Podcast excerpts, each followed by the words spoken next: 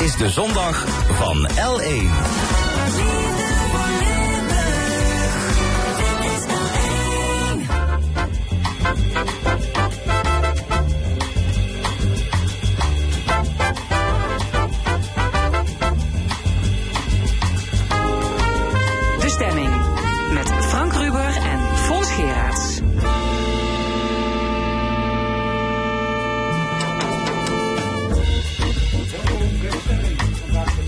Onderwerpen. De actiegroep Big Pig City over de komst van nog meer varkens naar Echel. Socioloog Hein de Haas schreef een boek waarin hij korte metten maakt met 22 hardnekkige mythes over migratie. En onze filosofie-analyst Kathleen Gabriels over de razendsnelle ontwikkeling van kunstmatige intelligentie. Bij de verkiezingen kreeg het CDA weer een behoorlijke optater. Hoe kan de neergang worden gestut? Een gesprek met de nieuwe CDA Limburg-voorzitter Anne Thiele. Ook een column van Reze Kouwmans en het panel discussieert over de kabinetsformatie en andere actuele zaken. Tot 1 uur is dit de stemming.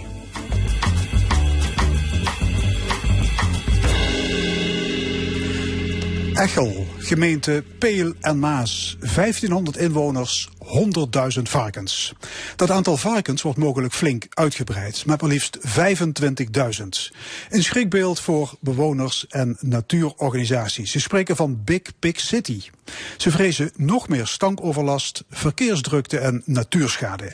Kortom, de leefbaarheid staat onder druk in het dorp Echel. Aan tafel Patrick van het Hoofd van het actiecomité Big Pig City. Ja, goedemorgen.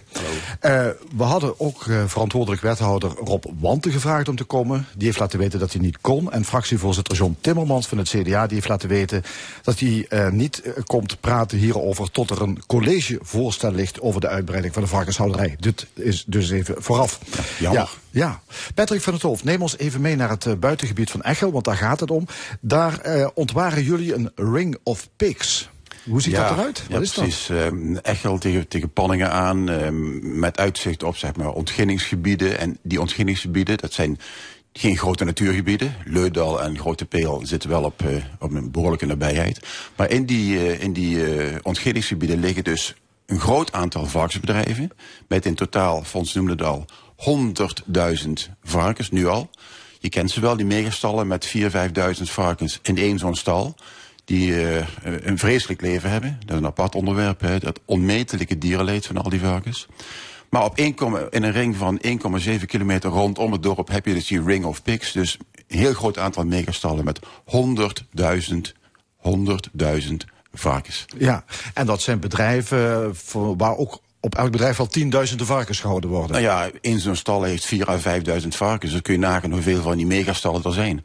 In totaal nu, dat, nu dus 100.000. En het plan is nu om er zes eh, stallen bij te zetten voor nog eens 25.000. Dus 125.000 varkens bij Echel met 1400 mensen. Ja, wat, eh, wat merk je daarvan als inwoner van Echel? Ik ben zelf gezegend met een slechte neus. Dus ik ruik het zelf niet, maar andere mensen wel. Eh, en, en verder heb je natuurlijk dingen die niet zichtbaar zijn, maar die er wel zijn. Dat is gewoon uitstoot. Dat kan gezondheidseffecten hebben. Maar je kunt het ook breder zien. Hè? Eh, je kunt ook zeggen van oké, dit heeft gevolgen, ook volgens de wetenschappers, op de natuur. Eh, de grote peel die ligt op een kilometer of 8 à 9 vanuit eh, de stallen gezien. Leudal een kilometer of 5. Dus het heeft sowieso natuureffecten. Eh, ja, goed, we hoeven zeg, niet te herhalen wat de wetenschap al jarenlang zegt. Dit kan gewoon niet. Ja. Hoe kun je überhaupt bedenken, waarom moet ik hier überhaupt zitten als actiegroep om te zorgen dat dit niet doorgaat? Ik bedoel, dat zou toch gewoon absurd zijn, terwijl we ook al miljarden klaar hebben liggen om dit soort dingen te voorkomen of uit te kopen elders. Ja. 100.000 varkens zitten er, maar als de plannen doorgaan, dan komen er nog 25.000 varkens bij. Ja, precies. In deze tijd, hè, terwijl we niet eens kunnen bouwen vanwege de stikstofproblematiek. en dan 25.000 erbij. Er Ja. liggen miljarden klaar om het te verminderen. Ja. Eh, Rutte Holding, dat is het bedrijf waar het over gaat. Eh, die, dat bedrijf wil dus met 25.000 varkens uitbreiden. En ze hebben al een natuurvergunning. Hè. Dat is een heel traject, maar de natuurvergunning die is in 2015 afgegeven. Door de provincie, ja. Ja, en in 2020 geloof ik ook nog eens een keer hernieuwd. Ehm, en de provincie zegt, we houden er ook aan vast. Want dat heeft te maken met de rechtszekerheid van de ondernemer. Je hebt ooit iets beloofd, toegezegd. Ja, dan moet je je daar ook aan houden. Ja, Ja. Dat in, in, een, in een rechtsstaat klinkt dat logisch. Nou ja, goed. We kennen ook begrippen als voortschrijdend inzicht. Hè? Die natuurvergunning is natuurlijk gegeven op basis van de inzichten van jaren geleden. Dus daar kun je al vraagtekens over hebben. We zijn natuurlijk een stukje verder inmiddels in ons denken over de gevolgen van de IV-sector voor de samenleving. Voor de dieren trouwens zelf ook. En daarnaast heb je nog eens uh, de discussie, en dat is meer juridisch, en dat is een vlak waar ik me niet direct mee bezig hou. Maar bijvoorbeeld een organisatie als Mobilization for Environment, MOB, en Animal Rights, die zien ook voldoende juridische middelen om die provinciale natuurvergunning aan te vechten. En dat gaan ze ook zeker doen. En dat is in Overijssel bijvoorbeeld al uh, gelukt. Ja. Daar waren ook zogenaamd definitieve natuurvergunningen door de rechter toch afgeschoten. Dus zo definitief is dat helemaal niet. Nee, nee, maar goed, die ondernemer die heeft die toezegging gekregen. Die heeft natuurlijk ook al investeringen gedaan. Die is daarmee bezig. Dus ja, het is inderdaad de vraag. Als je als overheid betrouwbaar wil zijn, moet je, ja, je, je hebt je woord gegeven. Ja, nou de vraag is eventjes uh, hoe, hoe hard dat woord is. Bijvoorbeeld als het om de gemeentelijke overeenkomst gaat bij de grondaankoop, is er altijd bij gezegd. maar de, de raad moet het nog goedkeuren. Dus dat is een iets wat er gewoon ligt en dat mag de raad zich ook aantrekken. De raad kan gewoon nee zeggen en heeft het allerlaatste woord. Want dit is een bestemmingsplanprocedure. Ja, dat zou, wat betreft dat zou... rechtszekerheid, ja. Um, dat, dat punt van voortschrijdend inzicht is ook iets wat, wat je als overheid zou moeten hebben. En als er dan mogelijk, mogelijk een claim zou kunnen komen, als daar juridisch een recht voor is, dan zou ik zeggen, als daar wat geld tegenaan moet, moet gegooid moet worden, is dat verdomd goed besteed. Ja, er, uh, er is een onderzoek gedaan naar de, de gevolgen voor de natuur hè, van zo'n uitbreiding. En uh, daarin staat dat dat allemaal best wel zou meevallen. Hè. Die Natura 2000 gebieden die liggen maar op vijf, die liggen pas op vijf kilometer afstand. Nou dat was de MER, hè, geloof ik. Ja, precies. En die MER is dus onderuit gehaald door de onafhankelijke MER-commissie die die MER getoetst heeft. En die heeft die MER, die milieueffectrapportage, echt neergesabeld. En de gemeente met een flink pakketje huiswerk uh, weggestuurd. Met als gevolg dat uh, de besluitvorming ook weer een half jaar naar achteren geschoven is. Dus komende zomer, op dit moment, je weet maar nog wat er nog meer komt, waardoor er uitstel nodig is. Maar de gemeente moet dus die milieueffectrapportage echt helemaal opnieuw doen. En niet meer toeschrijven op de ondernemer, maar op de gevolgen voor het Leudel en de Grote Peel. Ja, want dat is nu gebeurd in die milieueffectrapportage... die dus inderdaad eh, genadeloos is neergesabeld door de onafhankelijke merkcommissie... die weer uh, moet beoordelen of zo'n onderzoek klopt. Mm -hmm. uh, daar, daar, bleef, daar, bleef, niet veel overeind.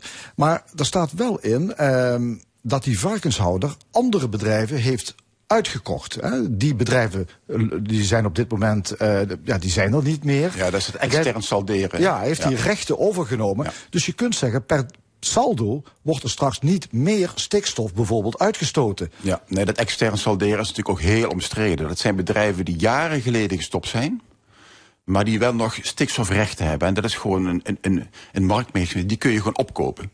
Maar goed, die bedrijven zijn dus jaren geleden gestopt. Die, die dieren stoten niks meer uit. Dus op basis van het stoppen van die, van die bedrijven is de uitstoot flink naar beneden gegaan.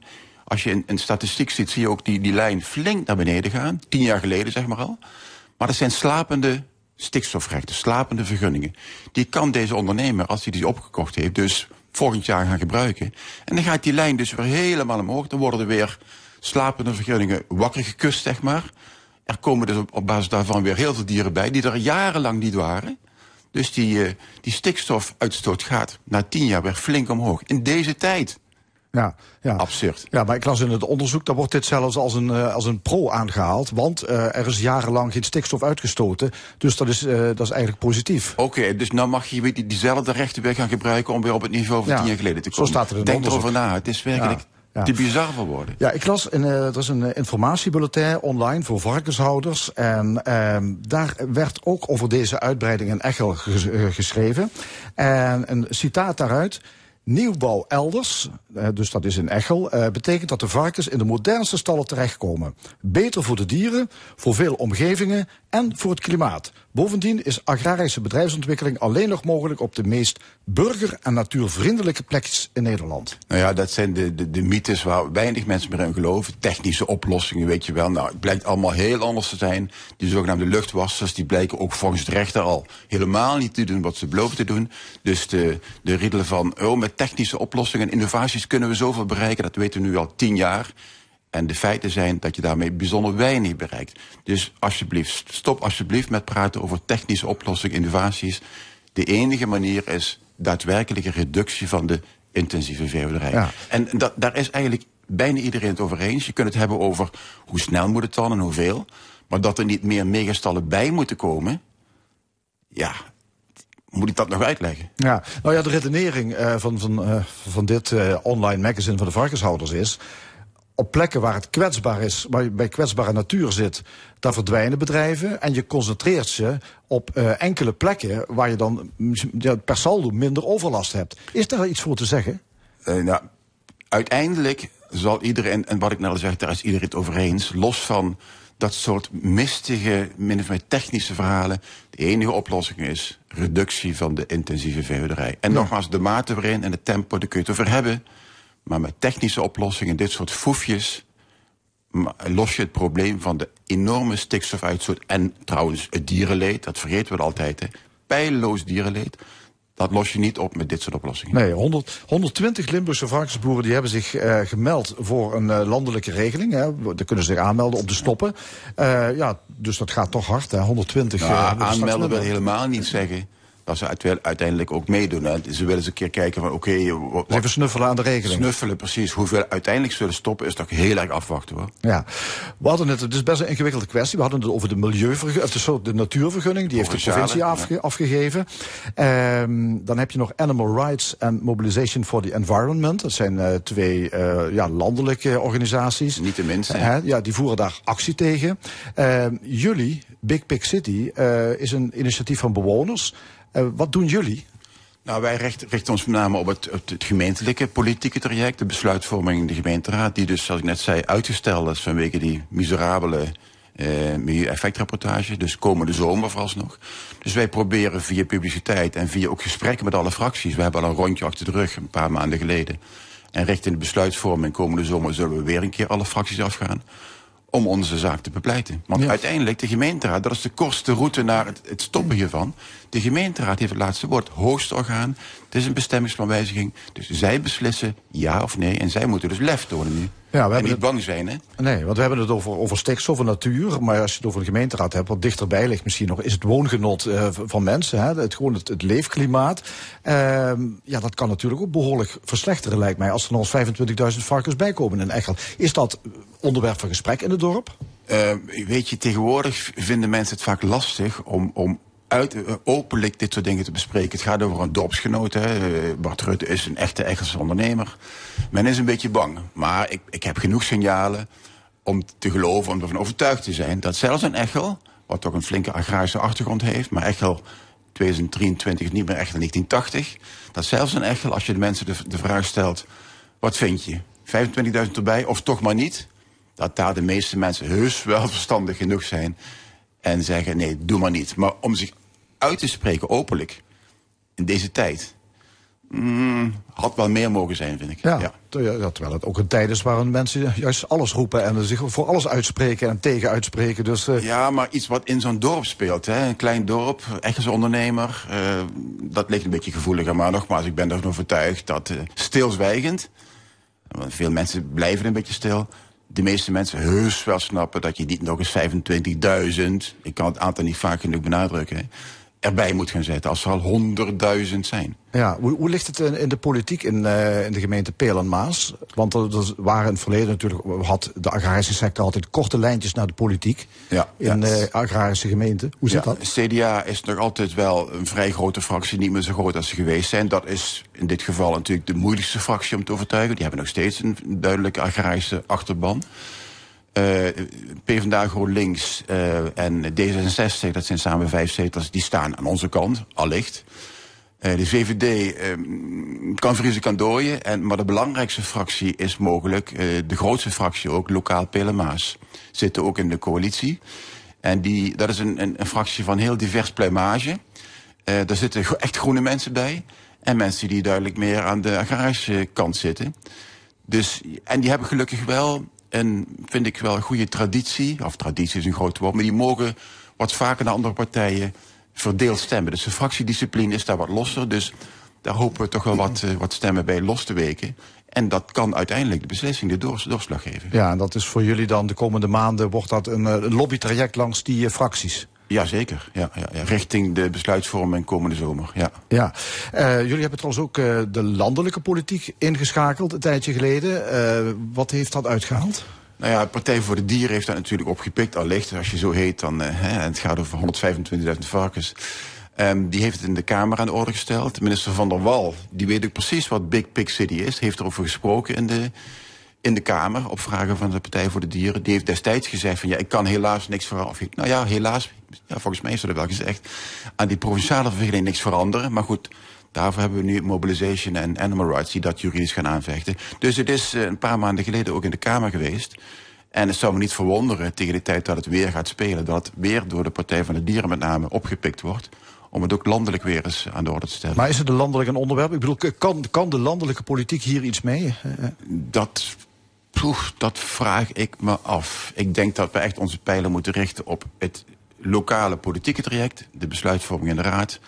en de natuurvergunning, de provinciale natuurvergunning... die met name door Mobilization en Animal Rights... die heel veel rechtszaken uiteindelijk winnen, we weten het allemaal...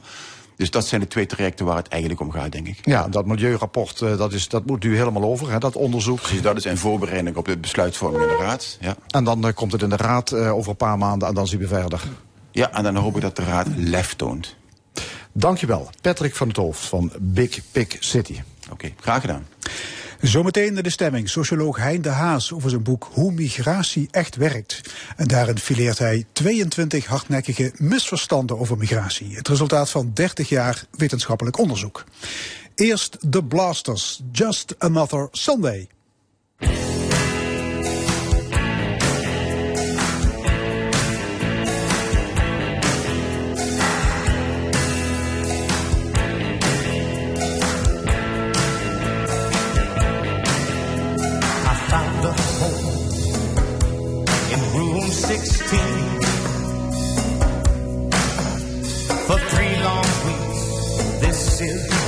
I've been. I could try to call you on the phone.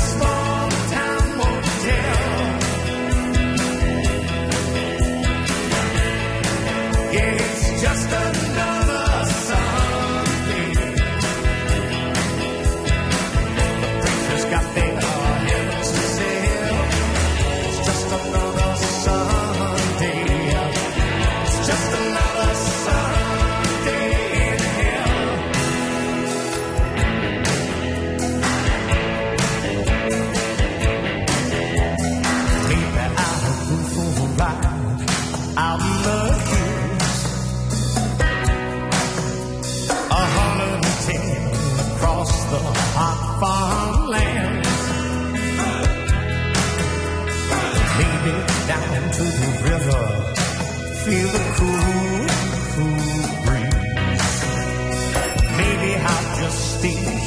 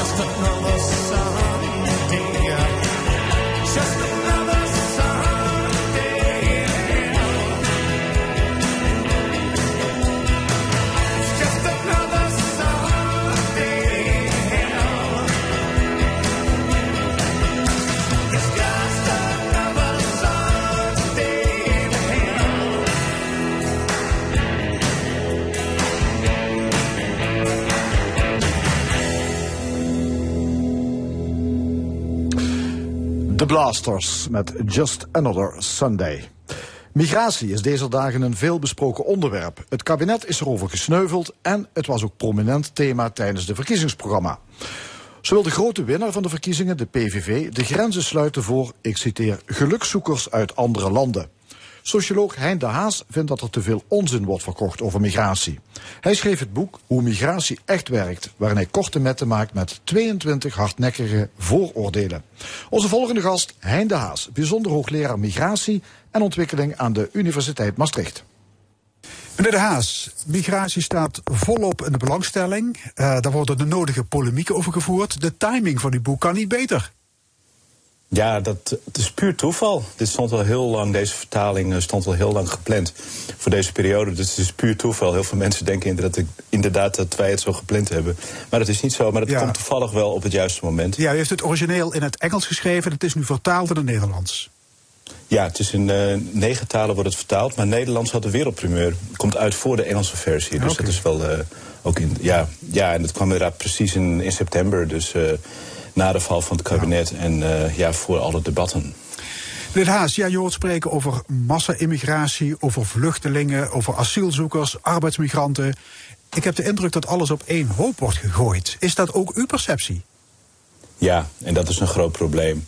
Uh, kijk eens, migratie en ook asielmigratie kan natuurlijk tot problemen leiden, maar het wordt vaak gekoppeld aan een soort beeld van dat we steeds meer overspoeld worden door toenemend aantal uh, migranten en asielzoekers. En dat beeld klopt niet helemaal. En om uh, zeggen wat rustigere analyse te maken, moet je wel even die groepen uit elkaar gaan trekken. Ja, want het maatschappelijk debat over dit onderwerp is sterk gepolariseerd. Hè? Er zijn twee kampen die zich allebei schuldig maken aan simplisme.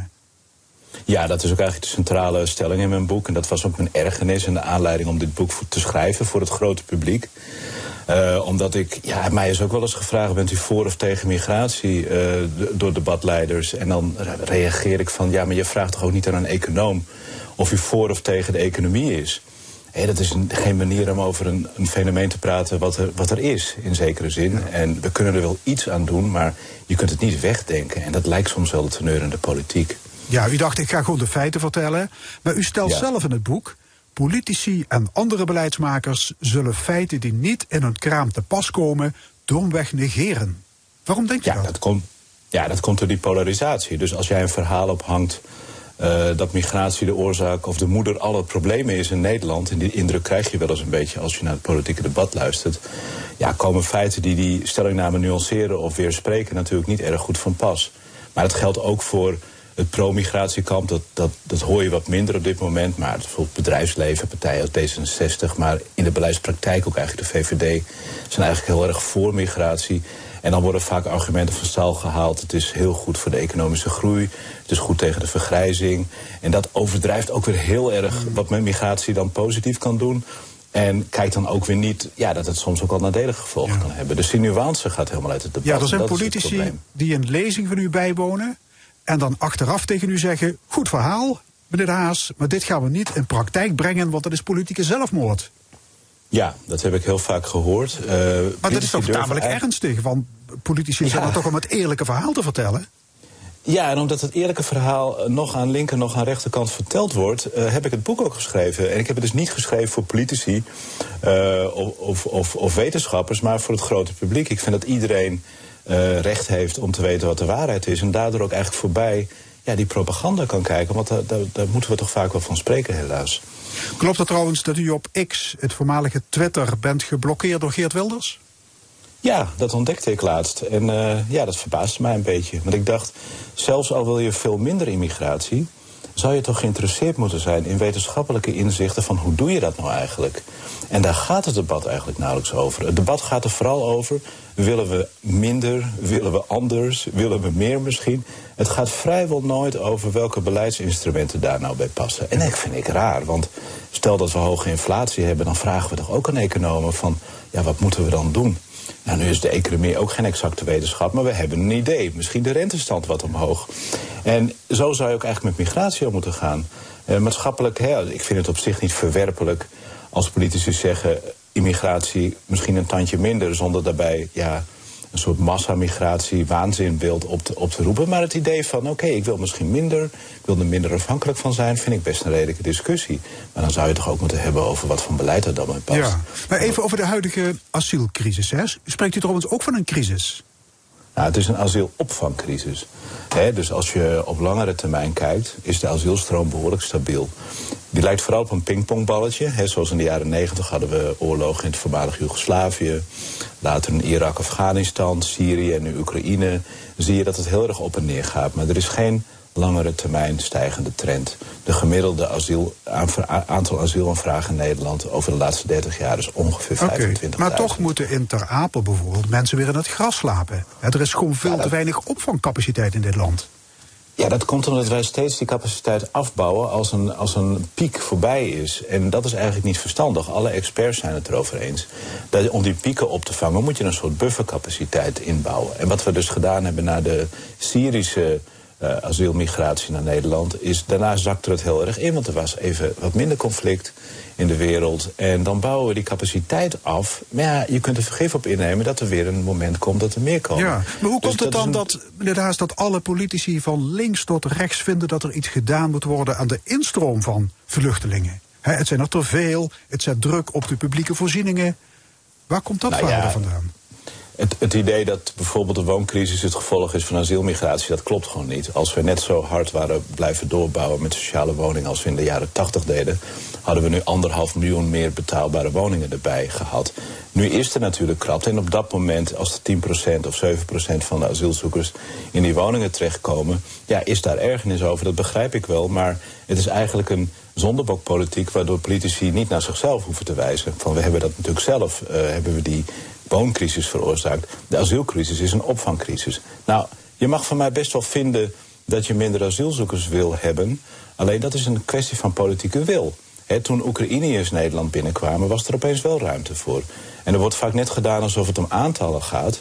Maar het gaat daadwerkelijk om politieke wil. En daar zouden politici dan ook gewoon eerlijk voor uit moeten komen. En niet dat voorspiegelen als een soort golf die we niet meer aankunnen. Want er is gewoon geen bewijs voor. Ik wil benadrukken dat de asielinstroom op lange termijn stabiel is in Nederland. En dat de stijgende migratie naar Nederland komt vooral door de toenemende arbeidsmigratie. Die is de afgelopen 15 jaar verviervoudigd. En daar zit het pijnpunt. Ja, ja er komen ieder jaar eh, natuurlijk migranten en vluchtelingen naar ons land. Er mhm. vertrekken ook mensen. En het migratiesaldo is ongeveer 220.000 jaarlijks. Hoe groot is het percentage asielzoekers? Nou, op de lange termijn is dat ongeveer 10% Je kunt heel lang steggelen van de, het saldo misschien waarschijnlijk hoger, omdat meer blijven. Misschien 15 of 20 procent. Maar dat aantal is eigenlijk heel stabiel. Het aandeel asiel neemt sterk af, omdat we juist steeds meer arbeidsmigranten aantrekken. Oké, ja, maar dat, dat, dat, die vormen dus die andere 19 procent. Ja, die twee, en ook uh, familiemigranten, maar die volgen vaak arbeidsmigranten. Maar die asielinstroom is dus relatief stabiel. En die 200.000 is een exceptionele piek van vorig jaar. Dat kwam door de Oekraïners. Op lange termijn ligt de Nederlandse migratiesaldo op 50.000. Precies het target wat Omtzigt heeft aangekondigd. Dat vond ik tamelijk curieus. Maar dat betekent dus, dat is een gemiddelde Nederlandse, een behoorlijke middenmotor in Europa qua migratieaantallen op de bevolking. En ja, een welvarend land met arbeidstekorten zoals wij dat hebben, trekt gewoon migranten aan. Dat is bijna onvermijdelijk. Ja. Je kunt daar best iets aan sleutelen natuurlijk. Maar om dat idee weg te denken, dat is uh, naïef. In die zin had omzicht ook wel een target wat eigenlijk wel realistisch klinkt. Ja, maar er wordt gezegd 60% van de asielzoekers, ja, die vluchten niet voor oorlog. Dat zijn gelukzoekers, economische vluchtelingen. U vindt dat een fabeltje, niet gebaseerd op harde cijfers? Nee, eh, uit, uit, internationale statistieken, ook Nederlands, blijkt ongeveer op lange termijn de helft van de asielverzoeken wordt toegewezen. En daarvoor hebben wij ook een asielprocedure. Dus die moeten we ook vooral hebben. Alleen die moeten we wel zo inrichten dat we snel goede beslissingen kunnen nemen. En wat we zien, omdat de overheid, geen, de regeringen, geen wil, 30 jaar lopen we achter de feiten aan, dat we niet voldoende capaciteit hebben, krijgen mensen niet genoeg duidelijkheid. En zitten mensen soms jarenlang in procedures. Of worden slechte besluiten genomen. Nee, het asielstelsel staat of valt bij een goede procedure. Waarbij je inderdaad kijkt of iemand al dan niet recht heeft op bescherming. Ja, wat vindt u trouwens van dat woord gelukzoeker? Ja, Kijk eens, als je dan hebt over mensen die uh, inderdaad naar Nederland en Europa komen, vaak ook illegale migranten die werk oppikken, we weten allemaal, het is een beetje een publiek geheim, dat in allerlei sectoren in Nederland, kijk maar naar de horeca, het schoonmaakwerk, uh, de landbouw. Uh, en zeker in de Randstad en in de tuinbouwgebieden van Nederland grootschalig gebruik wordt gemaakt van zogeheten gelukzoekers. Waaronder ook mensen zonder papieren. Dus in die zin is er een enorme kloof tussen wat we roepen en ook politici roepen. En wat er in de praktijk wordt gedaan. De arbeidsinspectie stelt helemaal niks voor. Er is ook niet echt een politieke wil om dat uh, te doen. En wij waren vroeger natuurlijk ook gelukzoekers toen Nederland en masse in de jaren 50 naar Australië en Nieuw-Zeeland en Canada vertrokken. Ja, zelfs in heel Europa zijn miljoenen mensen de grote oceaan overgestoken. Hè? Dat waren in feite ook gelukzoekers. Nou, dat was een veel grotere migratie ook. Ja. Het, het, aantal migranten op de wereldbevolking is ongeveer 3 procent. Dat aantal lag waarschijnlijk een eeuw geleden veel hoger. En dat kwam door de enorme migratie van Europeanen, met name naar Amerika, naar de nieuwe wereld. Dus het idee dat mensen banen oppikken, en dat is een beetje de olifant in de Kamer van het hele debat. Iedereen weet dat migranten allerlei werk opknappen waar Nederlanders hun neus voor ophalen. Uh, in het Westland, in, in, in, in Zuid-Holland, uh, uh, werken heel veel arbeidsmigranten. En ja, die worden vervolgens door huisjesmelkers in wijken in Den Haag neergezet. En natuurlijk is er overlast. Maar dat is niet zozeer de schuld van die migranten. Het is een systeem waarbij we eigenlijk die sociale problemen die het ook oplevert... over de schutting proberen te keeperen bij een andere gemeente. Maar die arbeidsvraag is er wel. Dat zie je ook in, in, in Limburg bijvoorbeeld bij de aspergestekerijen. Ik noem maar wat. Men heeft gewoon arbeidsmigranten nodig. Precies, dat is een van die 22 mythes die u wilt uh, ontzenuwen. We hebben geen arbeidsmigranten nodig. Dat vindt u kwats. Nou, nou ja, als u gewoon kijkt naar een, twee statistieken, de economische groei in Nederland en de arbeidsvraag op één lijntje, en u tekent de arbeidsmigratie op de andere uit, die volgen elkaar dan bijna perfect. Mm -hmm. Dus de beste manier om migratie echt tegen te houden is de economie te gronden te richten. Dus als werkloosheid hoog is, een flinke recessie, komen er bijna geen arbeidsmigranten in Nederland. Okay, dus het is een soort waarheid. Ja, het is een waarheid waar we niet omheen willen. En politici willen natuurlijk graag geafficheerd worden als degene die in controle zijn. Maar in realiteit, it's the economy, zoals Bill Clinton vroeger in Amerika al zei. De economie stuurt tot een hoge mate de arbeidsmigratie naar Nederland. Dus als je niet van immigranten houdt, is hoge welvaart een beetje, ja, dan is hoge migratie de prijs die je betaalt voor hoge welvaart. En dat is iets waar we niet omheen kunnen, ook in een maatschappij die sterk aan het vergrijzen is. Dus we moeten een serieus debat over hoe gaan we onze samenleving, hoe gaan we onze economie inrichten, welke sectoren willen we handhaven. En daar is op zich ook wel ook de afgelopen maanden redelijk discussie over gevoerd. Willen we die distributiecentra handhaven? Willen we die intensieve tuinbouw handhaven? Maar om het helemaal weg te denken, ja, dat is volstrekte struisvogelpolitiek.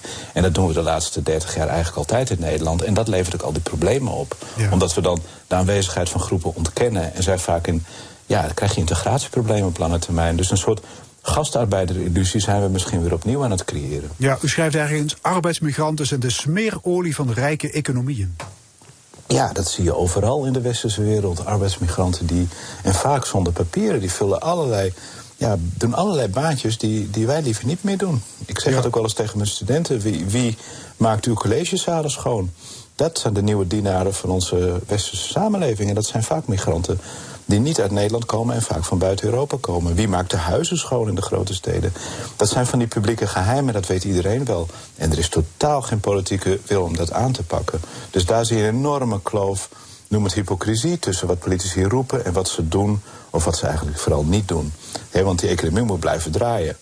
Dus al die uitzendingen, wervingsbureaus, ja, die werven eigenlijk de migranten uit het buitenland. Vroeger deden we dat nog als overheid, he, toen we gastarbeiders uit Marokko en uh, Turkije haalden. Maar dat hebben we helemaal uitbesteed aan de private sector. Dus we hebben de grip uit handen uh, van op migratie uit handen gegeven aan de private sector.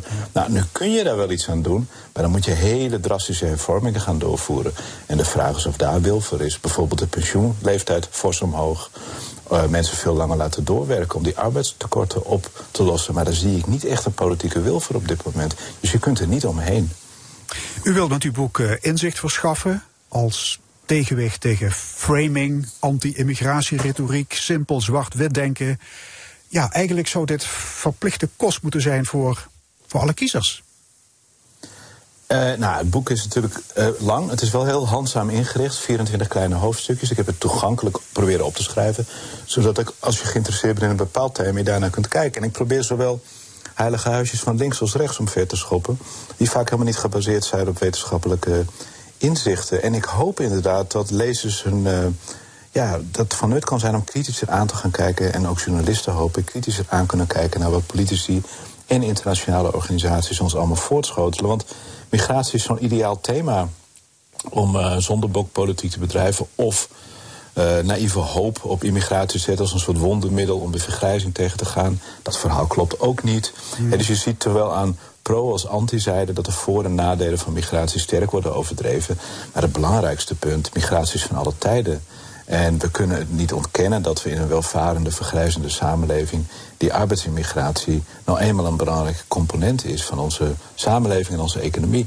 En door dat weg te denken, door de kop in het zand te steken, lossen we geen problemen op. Schuiven het voor ons uit. We moeten een serieuze discussie hebben over migratie. En dat is een automatisch, en dat is ook eigenlijk wat ik probeer te betogen, dat is een, samen, een discussie over het soort samenleving waarin we willen leven. Wie gaat er in de toekomst zorgen voor de zieken, voor de kinderen en voor de ouderen? Dat soort vragen. Dat zijn de echte vragen. Die hebben natuurlijk alles ook met migratie te maken. Kortom, u pleit voor een veel genuanceerder debat. Ja, dat lijkt me wel tijd, want deze polarisatie levert natuurlijk weinig op. Heel veel maatschappelijke verdeeldheid en dat vind ik zeer zorgelijk. Oké, okay. Hein de Haas, bijzonder hoogleraar migratie en ontwikkeling aan de Universiteit Maastricht. Hartelijk dank. En het boek Hoe migratie echt werkt is verschenen bij uitgeverij Spectrum. En dit is L1 met de stemming. Zometeen filosofie-analyst Kathleen Gabriels over één jaar chat GTP. Maar eerst Sly and the Family Stone. Que sera,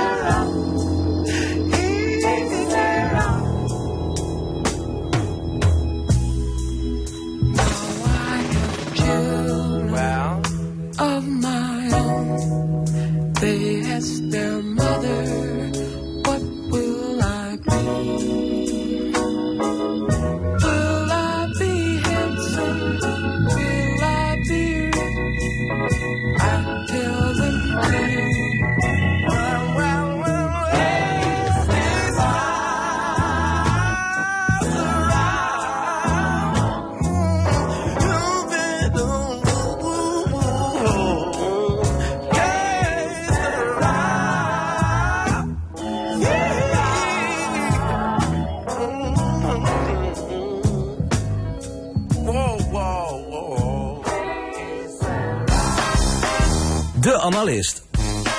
Vandaag met filosofie-analyst Kathleen Gabriels. Goedemorgen, Kathleen. Goedemorgen. Ja, een, eh, een verjaardagsfeestje deze week. hè. ChatGPT eh, werd een jaar geleden losgelaten op de wereld. En eh, nou ja, de discussie is sindsdien niet verstomd. Integendeel, kunstmatige intelligentie, ehm, ja, het zou veel beroepen overbodig gaan maken. Zelfs levensgevaarlijk zou het zijn. Sombere zielen voorspellen al het einde van de mensheid. Eh, er is een, een hoop gebeurd afgelopen jaar. Elon Musk schreef bijvoorbeeld een brief waarin hij riep om te stoppen met, eh, of voorlopig te stoppen met het ontwikkelen van eh, krachtige taalmodellen. In Hollywood is het staking geweest hè, van de scenario-schrijvers. Ehm, kortom, er is heel veel aan de hand. Absoluut. En je kan geen krant openslaan of er is een bericht over AI. Dus ik denk dat het wel belangrijk is om daar nu even bij stil te staan. Dus uh, een jaar geleden, op 30 november, is ChatGPT, een belangrijk taalmodel, op de wereld losgelaten. En daar is meteen heel veel rond te doen geweest, zeker ook bij ons aan de universiteit.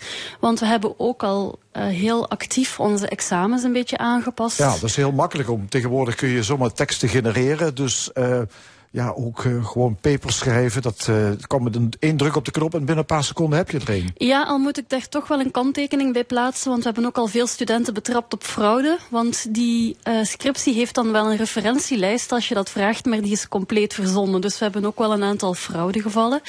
Nu, op zich, wat er daar gebeurt. ChatGPT is een zogenaamd large language model.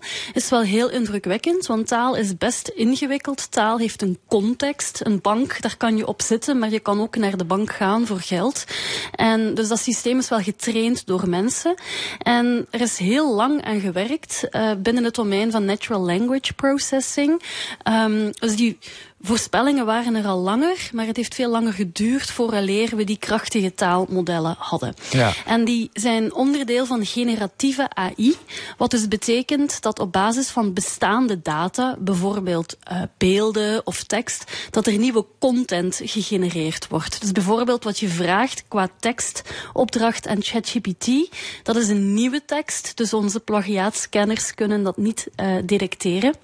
Dus op het vlak van generatieve AI zijn er heel veel doorbraken en daar komt die onrust dan vandaan. Ja, je hebt de voor- en je hebt de tegenstanders. Je hebt twee, twee polen eigenlijk, ja, je zeggen. Maar ja. eigenlijk zien we, als je gaat kijken naar de geschiedenis van technologie, bij elke vorm van technologie die een belangrijke impact had op de maatschappij, of het nu over televisie of radio uh, gaat, of andere voorbeelden, zie je dat je enerzijds de angst hebt en anderzijds de hoop en ook wel de hype, de verwachtingen, dit gaat problemen oplossen.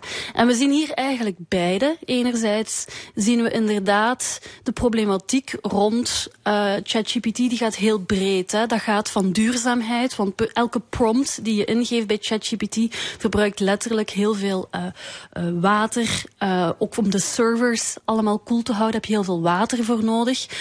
die modellen zijn ook getraind um, in uh, lage loonlanden, dus dan heb je die problematiek. Maar je hebt natuurlijk ook andere uh, vormen van problematiek. Uh, bijvoorbeeld de Hollywood-staking. AI had daar ook een belangrijke rol. Omdat ja, er... want scenario-schrijvers zouden misschien wel overbodig worden. Ja, of in ieder geval zou een deel van het schrijfwerk uitbesteed kunnen worden. Ik denk niet dat die creativiteit, daar heb je nog altijd de mens voor nodig. Maar het gaat dan niet alleen over taalmodellen, maar dan gaat het ook over deepfakes. Ehm niet, niet zo heel lang geleden in America's Got Talent hebben ze Elvis tot leven gewekt eh, met eh, AI. En dat leidt natuurlijk wel tot de vrees van worden acteurs tot op zekere hoogte niet overbodig. Ja, en, en dat, dat kun je nog verder doortrekken. Je kan straks ook een eh, politicus eh, dingen laten zeggen die hij helemaal nooit gezegd Niet heeft. straks, dat gebeurt al. Ja. Eh, dus daar moet je heel waakzaam Ja. voor zijn. Dat kan, dat kan misschien zelfs tot catastrofale ontwikkelingen leiden. Ja, je... je- ziet zo'n een wereldoorlog die kan ontstaan omdat ja, Biden misschien wel rare dingen zogenaamd zegt. Wel, ik, ik denk wel dat de vraag wat is echt een hele pertinente wordt. En dat we eh, onszelf echt moeten trainen om niet vluchtig ergens op te klikken of iets te geloven. Ehm, ik ben niet zo bevreesd dat het meteen tot een wereldoorlog zou leiden. Het is wel zo dat je daar op het laatste moment misschien verkiezingen mee kan eh, beïnvloeden. Dus daar moeten we ook vanuit regelgeving, denk ik, die platformen waar dat die verspreiding gebeurt, ook veel meer dwingen tot het opnemen van verantwoordelijkheid. Ja, dus je zei al, eh, bij nieuwe ontwikkelingen zijn vaak eh, mensen, heel veel mensen zijn zwartkijkers die al grote problemen zien hè, door een nieuwe ontwikkeling. En we zitten nu volop in deze hype, maar eigenlijk eh, AI, ja, kunstmatige intelligentie, is niet iets van het afgelopen jaar. Nee. Daar zijn we al decennia mee bezig met het ontwikkelen. De term zelf, artificiële intelligentie, bestaat vanaf eh, 1955, dus is best jong. Ehm, en is sinds de jaren 50 eigenlijk door veel zogenaamde AI-winters en zomers gegaan. En een zomer is dan een hype. Nu, wat is het nadeel van een hype? Tijdens zo'n hype worden er heel veel verwachtingen geprojecteerd. Ehm, eigenlijk zoveel dat dat niet waar te maken valt, waardoor dat heel veel mensen teleurgesteld zijn en dan kom je weer in een zogenaamde AI-winter terecht. Dus zeker in de jaren 50 en 60 was er heel veel eh, hoop dat het snel zou gaan, Ehm, maar een aantal van die verwachtingen die ze toen hadden, bijvoorbeeld op het vlak van patroonherkenning, die zijn nu pas zeer recent echt, eh, die zijn er nu pas qua Ja, doorbraken. de, de schaakcomputer die was er ook al heel lang. En dat leek heel lang niks te worden. Tot, eh, geloof ik, Kasparov op een gegeven Ja. moment eh, verslagen werd. op de schaak. 1997. Ja. Dus als je dan gaat kijken, in 1995, eh, sorry, 1955, eh, of de jaren 50, 60, was er heel sterk die focus op we gaan een schaakcomputer ontwikkelen.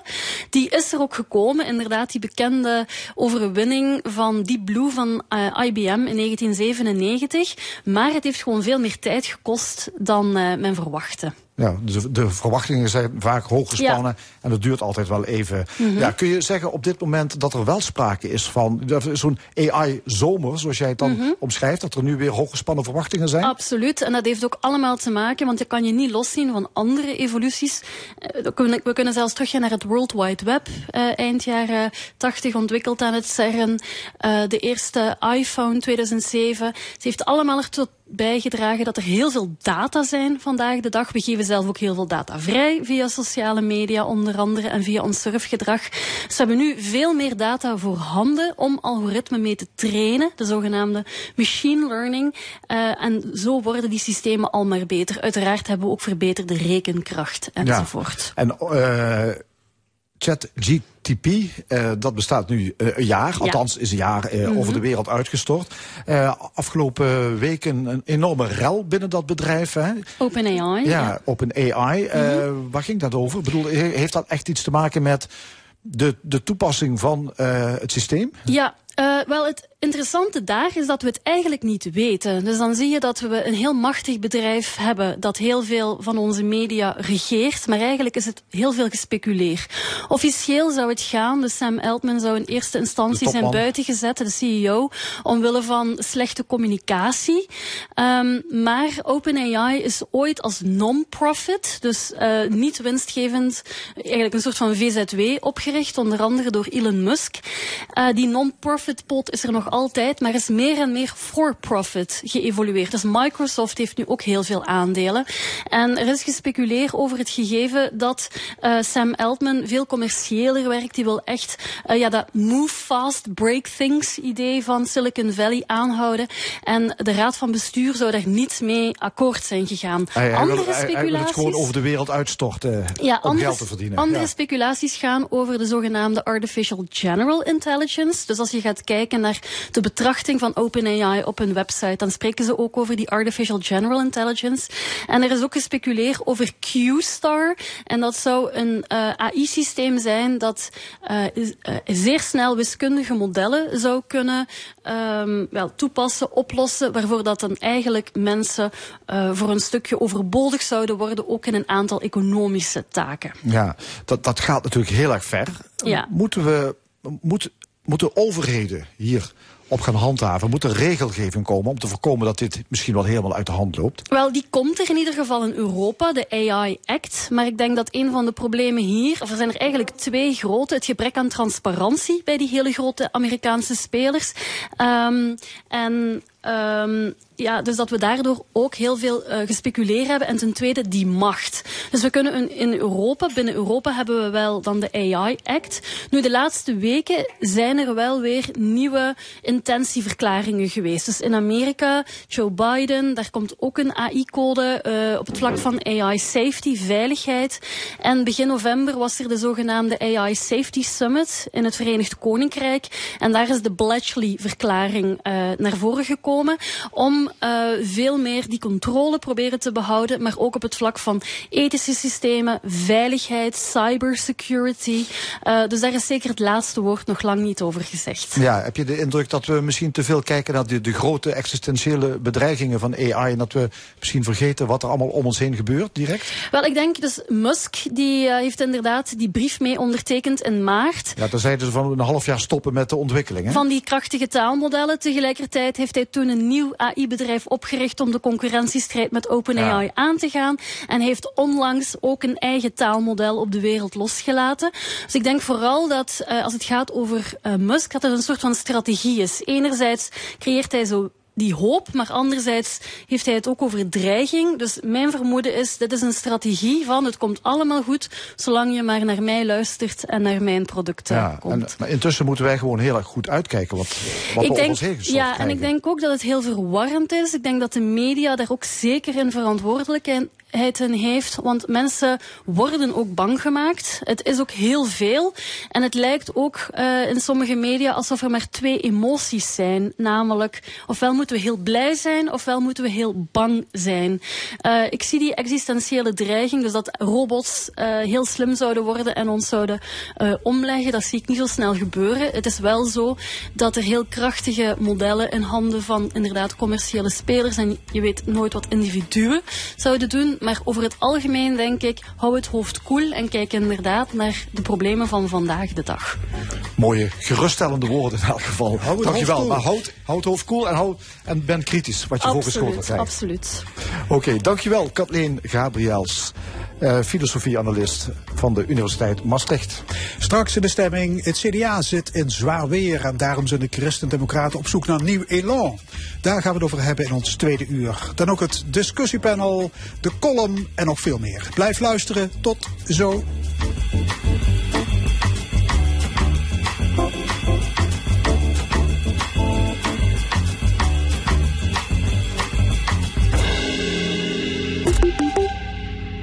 Jean, Hupsel gaat voor te gooien in de optocht. Ah ja, hoe moet ik dat voorzien? Wie, Karamelle Freddy? Baby. Karamelle Freddy voor snoep, speelgoed en knuffels om te strooien. Een supergroot assortiment. Veel zin is bij Karamelle Freddy. Kom, ga dan Innovidak is ook expert in alle dakwerken. Voor nieuwbouw en renovatie van schuine en platte daken, al dan niet met onze zonnepanelen op of in het dak. Ook Peter Koelewijn bespaart met zonnepanelen van Innovidak. Kijk op innovi-dak.nl. Ga erop! Wilt u een bedrijfspand verkopen of verhuren? Kies voor de juiste aanpak met Royworks de Makelaar. De specialist in bedrijfsonroerend goed voor de westelijke mijnstreek. Kijk voor het totale bedrijfsonroerend goed aanbod op royworks.nl. Innovidak. Ook voor alle dakwerken. Kijk op innovi-dak.nl. De jackpot van 10 december staat op 7,5 miljoen. Belastingvrij. Tip, geef eens een staatslot cadeau. Oh yeah. Want iets kleins geven kan groots uitpakken. Koop dus nu een staatslot in de winkel. De tiende kan het gebeuren. Staatsloterij. Een spel van Nederlandse Loterij. Speel en geef bewust 18+. Plus. Welkom bij Snow World, het skigebied van hier. In ons skigebied ligt er verse sneeuw vanaf 0 meter. Snowworld.com, bergen vol plezier. Dit is L1 met het nieuws van 12 uur. Ties van Kesteren met het NOS-journaal. Het Verenigd Koninkrijk gaat surveillancevluchten uitvoeren boven het luchtruim van Israël en de Gazastrook.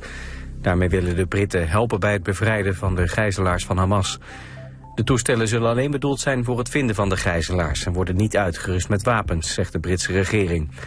Afgelopen nacht heeft Israël opnieuw bombardementen uitgevoerd op de Gazastrook. Sinds het einde van de gevechtspauze zijn er bijna 300 mensen in Gaza omgekomen. Bij een zwaar ongeluk op de A1 gisteravond zijn drie mensen omgekomen. Het gaat om twee kinderen van 12 en 14 uit Hilversum. Een spookrijder reed bij knooppunt Hoevelaken frontaal in op een auto. De ouders van de omgekomen kinderen zijn zwaar gewond... en zijn er volgens de politie slecht aan toe. Ook de spookrijder, een Roemeense man van 19, overleed later in het ziekenhuis. Vanwege het ongeluk op de A1 was de snelweg lange tijd dicht. De brand bij een voedselverwerkingsbedrijf in Oosterwolde is grotendeels onder controle. De brandweer heeft het pand waar vooral kip werd verwerkt opengebroken om bij de brandhaarden te kunnen. Daardoor komt er nog wel rook vrij, maar er is geen sprake meer van een grote brand. Vanwege de rookontwikkeling werd een aantal huizen in de buurt ontruimd, maar de mensen mogen weer terug naar huis. Hardrockband Kiss heeft gisteren bij het afscheidsconcert bekendgemaakt verder te gaan als hologram. Aan het einde van het concert in Madison Square Garden in New York verlieten de bandleden het podium. De digitale versies gaven daarna een toegift. Kiss is de eerste Amerikaanse band die hiervoor kiest. ABBA gebruikte vorig jaar ook hologrammen voor een aantal concerten. Het weer, af en toe wat zon. Vanmiddag neemt de bewolking toe en kan er sneeuw vallen. In het noordoosten blijft het droog. Vanavond overal kans op sneeuw of natte sneeuw. Het is 0 tot 2 graden. Dit was het NOS Journaal.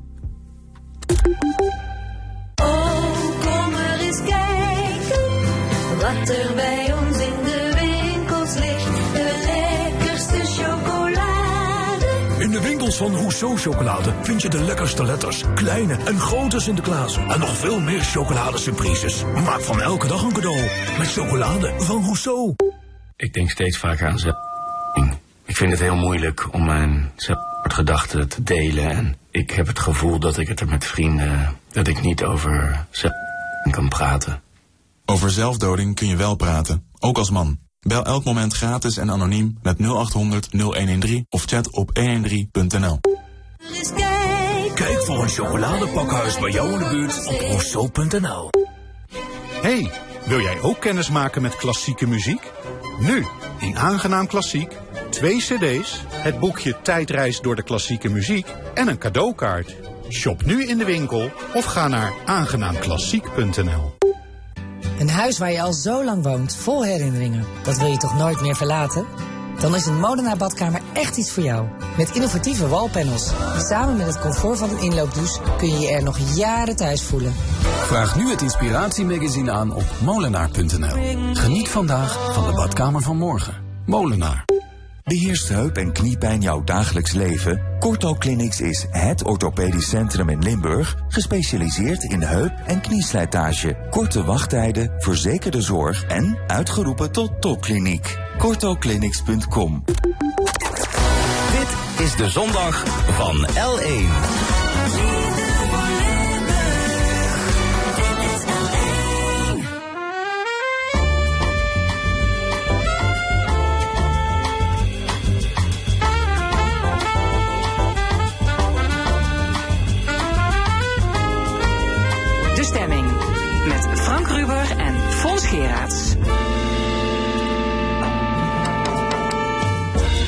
Opnieuw welkom bij De Stemming, het interview- en discussieprogramma van L1 Radio. Wat allemaal in dit tweede uur. Straks discussieert het discussiepanel met Gabrielle Heijnen, Cor Bosman en Loek Hustings over de kabinetsformatie en andere actuele zaken. Een column van Regie Kalmans, maar eerst het amechtig piepende CDA. De afdeling Limburg was gisteren bij elkaar in Roermond. En op de agenda onder meer de verkiezing van een nieuwe regionale voorzitter. En dat is geworden Anne Thiele uit Venray. Het CDA gaat door een diep dal. Sinds 2010 stapelt de ene verkiezingsnederlaag zich op de andere. Hoe verder met de Christen-Democraten? Aan tafel Anne Thiele en ook Ralf Diederen, wethouder van Beek... en mede-auteur van het verkiezingsprogramma van het CDA. Anne, gefeliciteerd. Dankjewel. Ja, het kwam niet als een verrassing, want je was de enige kandidaat, hè? Ja, dat klopt. Het was ook een enkelvoudige voordracht. Dus, eh Daar kan ik het fijn. ook. Daar kan ik het ook. Ja.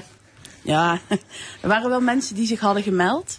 Maar uiteindelijk eh, kwam het tot deze voordracht. Ben ik heel blij mee. Ja, maar is het zo'n hondenbaan dat daar bijna niemand voor te porren is? Zo zie ik dat absoluut niet. Ik zie het absoluut als een uitdaging, dat zeker. Ehm, maar die pak ik graag met twee handen Nee, dat aan. snap ik. Maar waarom is er zo weinig interesse voor? Nou, dat weet ik niet of er weinig interesse was, want er hadden wel mensen zich gemeld. Ehm neemt niet weg dat je natuurlijk wel er een. Je moet wel een groen hart hebben om het te gaan doen. Want inderdaad, het, we, we moeten wel weer gaan bouwen. We moeten uit het, uit het dal gaan klimmen.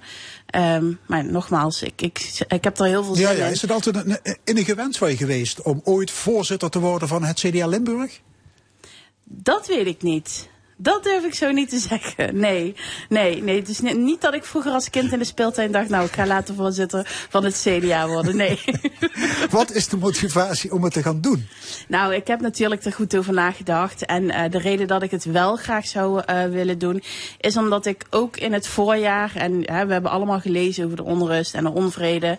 En op een gegeven moment dacht ik van ja, weet je, ik kan aan de zijlijn blijven staan en blijven mopperen op het CDA. En ik merkte in de zomer dat er al een kanteling plaatsvond met de komst van Henry Bontebal.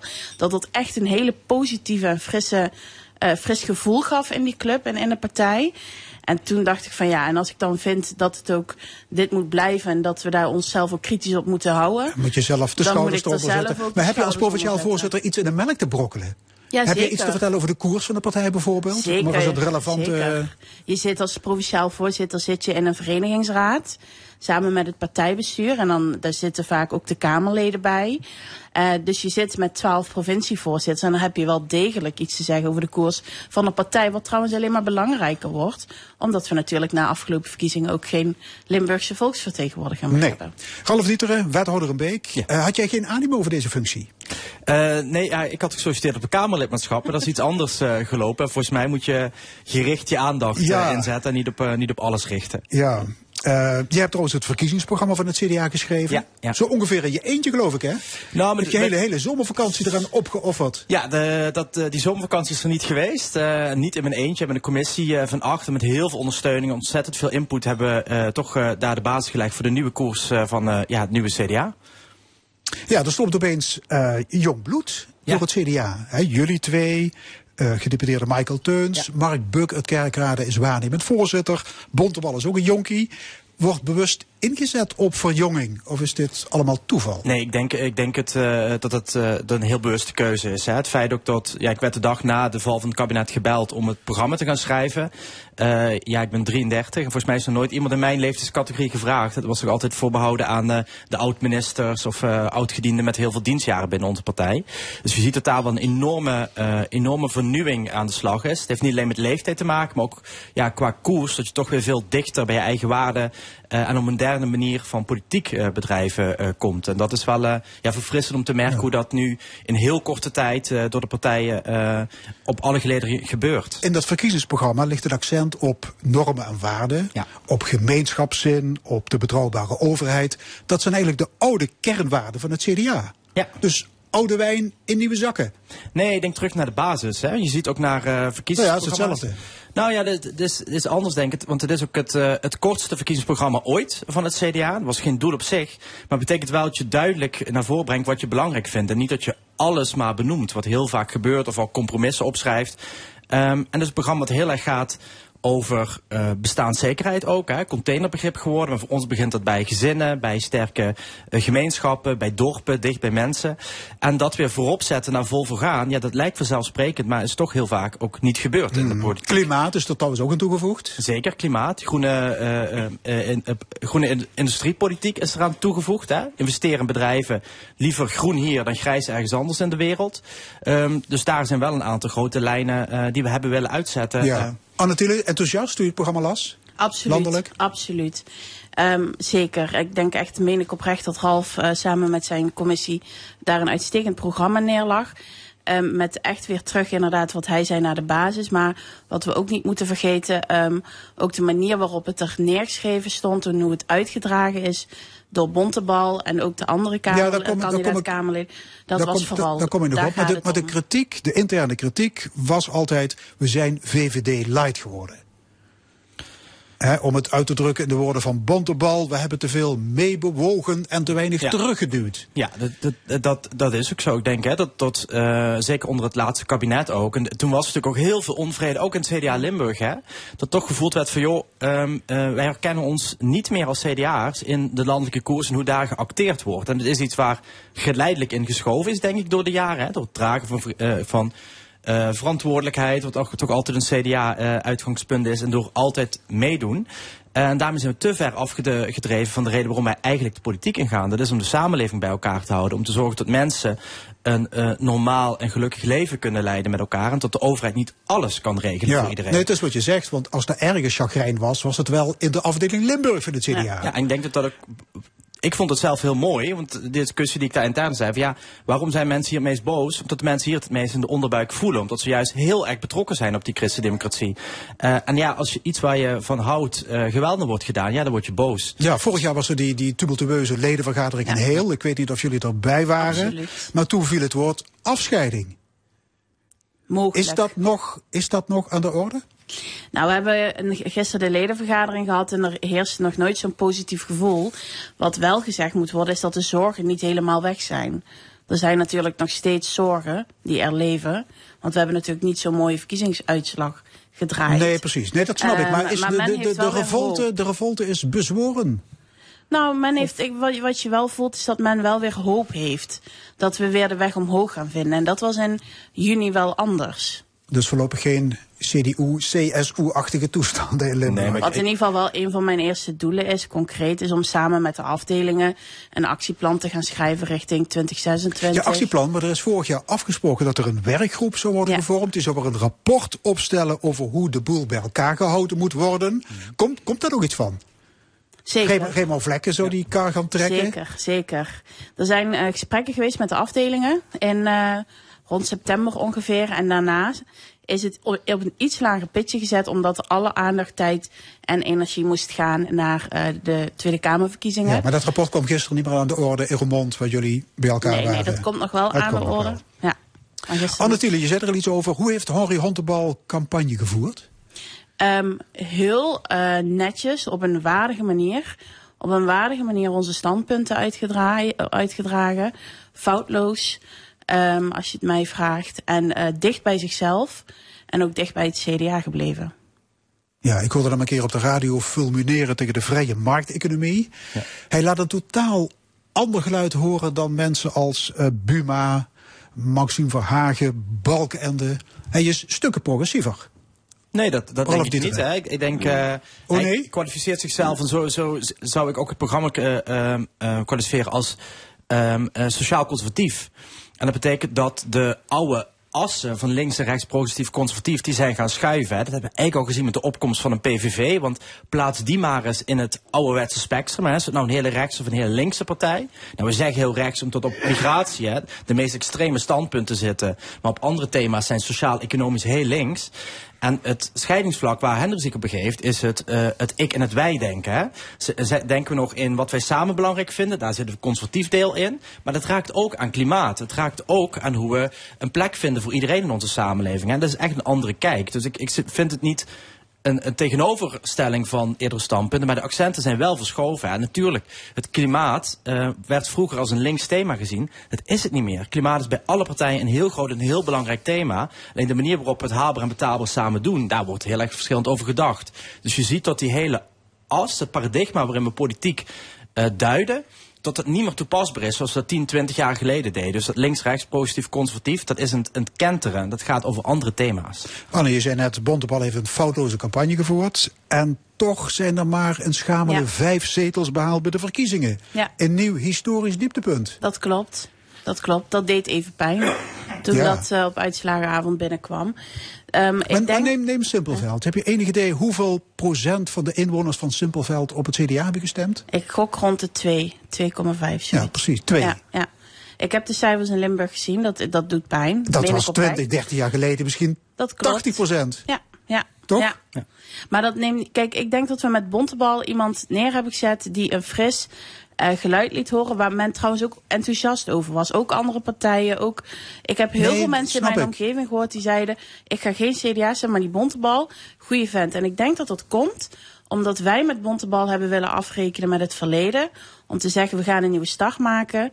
En de kiezers daar ook nog niet aan toe waren. Ja, maar verklaar eens die neergang. Ja, wat, maar- wat zijn de dieperliggende oorzaken van het feit dat het CDA zo hard achteruit is Maar je kunt niet het CDA loszien vanuit de bredere context. Hè? En als we gaan kijken naar de vorige provinciale statenverkiezingen, ja, CDA ook knap, was de BBB uit het niks enorm groot.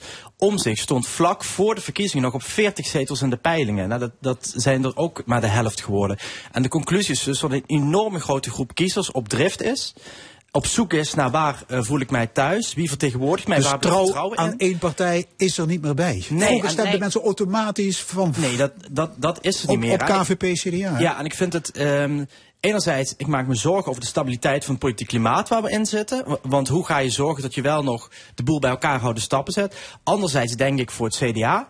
Dat vind ik heel eerlijk, dat het heel goed is dat het geen vanzelfsprekendheid is dat je een grote partij bent of dat mensen er maar op stemmen. Hè. Dat, dat zie ik toch echt als het CDA van 10, 20 jaar geleden. Dus je moet Ja, een goed verhaal is er. hebben. Je moet een verhaal hebben, je moet verdienen en je moet ervoor eh, voor gaan. En dat is eh, ja, voor iedereen die nu hard in de bakken trekken is, volledig duidelijk. En dat is ook heel verfrissend en heel nieuwe Oké, energie. maar kennelijk hebben NSC en BBB een, een politieke agenda of een maats- Nee, maatschappijvisie die meer aanspreekt. Nee, het, zijn nieuwe partijen. En als kiezers op drift zijn en het vertrouwen is kwijt in, in politiek, in politici, en er komen nieuwe partijen op, dan kan het een bron van hoop zijn. De vraag is, over twee, vijf of tien jaar, waar staan die partijen dan? Want je ziet, eh, eh, de BBB eh, komt bij de Provinciale Staten uit niks heel groot. Maar dat heeft heel erg te maken met een anti-beweging die er plaatsvindt. Omzicht, denk ik, een ander verhaal. Hè. Ik vind dat daar echt wel bij Pieter een veel, eh, veel bredere maatschappijvisie onder zit. Maar daar ook zit de hoop op. Het wordt allemaal anders. En ehm, ja, CDA's zijn geen revolutionairen. Eh, wij geloven dat verandering geleidelijk gaat. Dat je vertrouwen moet winnen. En tot het niet zo is dat dadelijk opeens een nieuwe partij opstaat. Ja, dan wordt alles beter in het land. Weet je, die illusie, die, die wordt natuurlijk nooit werkelijkheid. Anne, wat is de toegevoegde waarde van het christendemocratisch appel? Waartoe is het CDA op aarde? Waartoe is het CDA's op aarde is omdat eh, wij heel erg geloven in een, in een samenleving waarin we zien dat mensen in ieder geval in verbinding met elkaar zijn en blijven en samen ook de eh, zaken oplossen. En waarom ik denk dat het CDA echt ook nodig is naar de toekomst toe is omdat we, zeker met de verkiezingsuitslag van eh anderhalf week terug, we zien gewoon dat daar een enorme verharding aan het optreden is. Of je, als je PVV stemt, word je door vaak door linkse partijen weggezet als racist en noem het maar op. En die verharding naar elkaar toe, die neemt alleen maar toe. En ik denk juist dat het CDA zeker in de toekomst een hele belangrijke functie heeft in, om die, die, die verschillen weer te overbruggen en weer de verbinding met elkaar te zoeken. Ja, bij de provinciale statenverkiezingen in maart is het CDA gehalveerd. Mhm. Hebben die slechte scores ook te maken met het feit eh, dat zoveel CDA's betrokken waren bij die trits integriteitsaffaires? Nee, dat, Want ja. van die reputatie kom je toch niet snel af, denk ik. Nou, de vraag is even wat. wat Kijk, we, we hebben een implosie gezien van de provinciale politiek in de vorige periode. Hè? En dat. dat eh, ik heb daar met heel veel verbazing naar gekeken, hè, omdat er twee kanten aan zitten. Enerzijds de vraag. eh, ehm, wat is er werkelijk gebeurd? En anderzijds de vraag, eh, en dat vond ik het meest, ja, eerlijk gezegd niet passend vorige periode, hoe ook provinciale staten dat soort debatten met elkaar voerden. Weet je, als het over integriteit gaat, moet je zorgvuldig een debat voeren en dan harde Nee, conclusies begrijp ik. Maar het kleeft al jarenlang aan het, aan het CDA. Hè? Deze week Ja. deelde Wilders een sneer uit aan omzicht. Omdat hij niet met hem aan tafel wil zitten. Ik citeer. Dat is de oude bestuurscultuur. En het machtsdenken van het CDA 2.0. Ja, maar- daar, daar heb je het weer. Ja, maar dat is dus de- de- de- wat Anne zegt. Het hele probleem is dat verhoudingen verharden. En iedereen denkt groter en sterker in de politiek te worden door elkaar verwijten te maken. En weet je, wij lopen echt niet weg voor alles wat er gebeurd is. Maar ja, we moeten ook een beetje stoppen met eh, naar elkaar gaan slaan of politieke partijen. Jij deed toen dit, jij deed toen dat. Ik geloof daar eh, eh, eh, eh, niet, eh, niet in.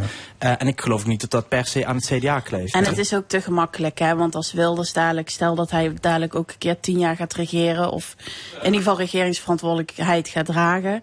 ja, ik bedoel... eh, Is de wens de vader van de gedachte? Of, eh? Nee, nee, nee hoor, maar... De, Nee, want Bontebal wil, wil niks zeggen. met Wilders te maken hebben. Dat klopt, Mee dat eens? klopt. Ja.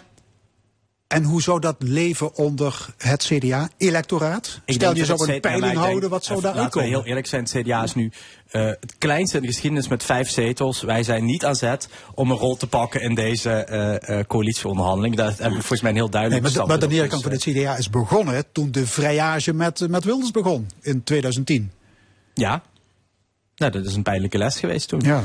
En het feit Daar is, moeten we ook eh, van leren, denk ik. Nederland schuift op naar rechts. Eh, maken jullie je zorgen over de afkalving van het politieke midden? Ja, dat, dat is wel. Ja, dat, dat, ik, in politiek lijkt nu de wet te gelden voor de middelpuntvlietende krachten. Hè? Alles gaat naar de flanken. Ehm, dat raakt natuurlijk ook het CDA. Want het CDA is per definitie een partij die een brede volkspartij wil zijn. Dat betekent dat je het midden verbindt.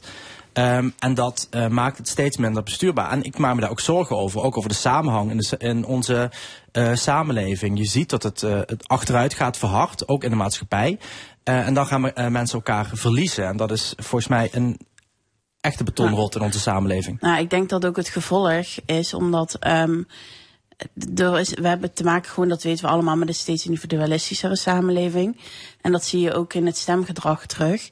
Waar je vroeger tot een bepaalde groep behoorde, zeg maar. En dan stemde je ook volgens die groep, omdat je het ook voor die groep op wilde nemen en ook voor die groep wilde stemmen. En dat is tegenwoordig ook helemaal anders. Men kijkt, wat vind ik belangrijk, wat is belangrijk voor mijn eh leefonderhoud of wat dan ook. En daar stem ik op. Is het dieptepunt voor het CDA bereikt? En hoeveel tijd is nodig om de partij weer uit het slop te trekken? Anne? Ja, en tijd Nieuwe voorzitter? Ik heb er helemaal vertrouwen in. Eh, tijd ga ik er niet aan geven, maar ik geef wel het vertrouwen aan, eh aan, aan Bontebal en Companen.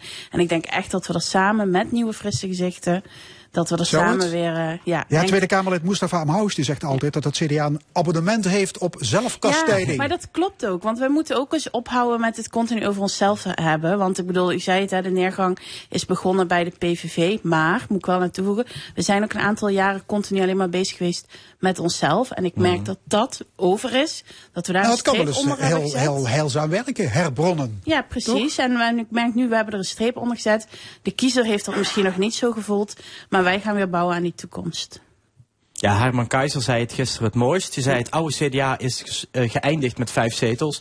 En het nieuwe CDA is vandaag begonnen met vijf zetels. Dus eh, we gaan nu weer vooruit. Hartelijk dank, CDA Limburg-voorzitter Anne Thielen en Ralf Dieteren, wethouder en voorzitter van de programmacommissie. Dank jullie wel. En u luistert naar L1 met de stemming. We zijn al tot één uur over politiek, cultuur en samenleving. Dadelijk de column van Reze Kouwmans, maar eerst Waterloo Sunset, The Kings.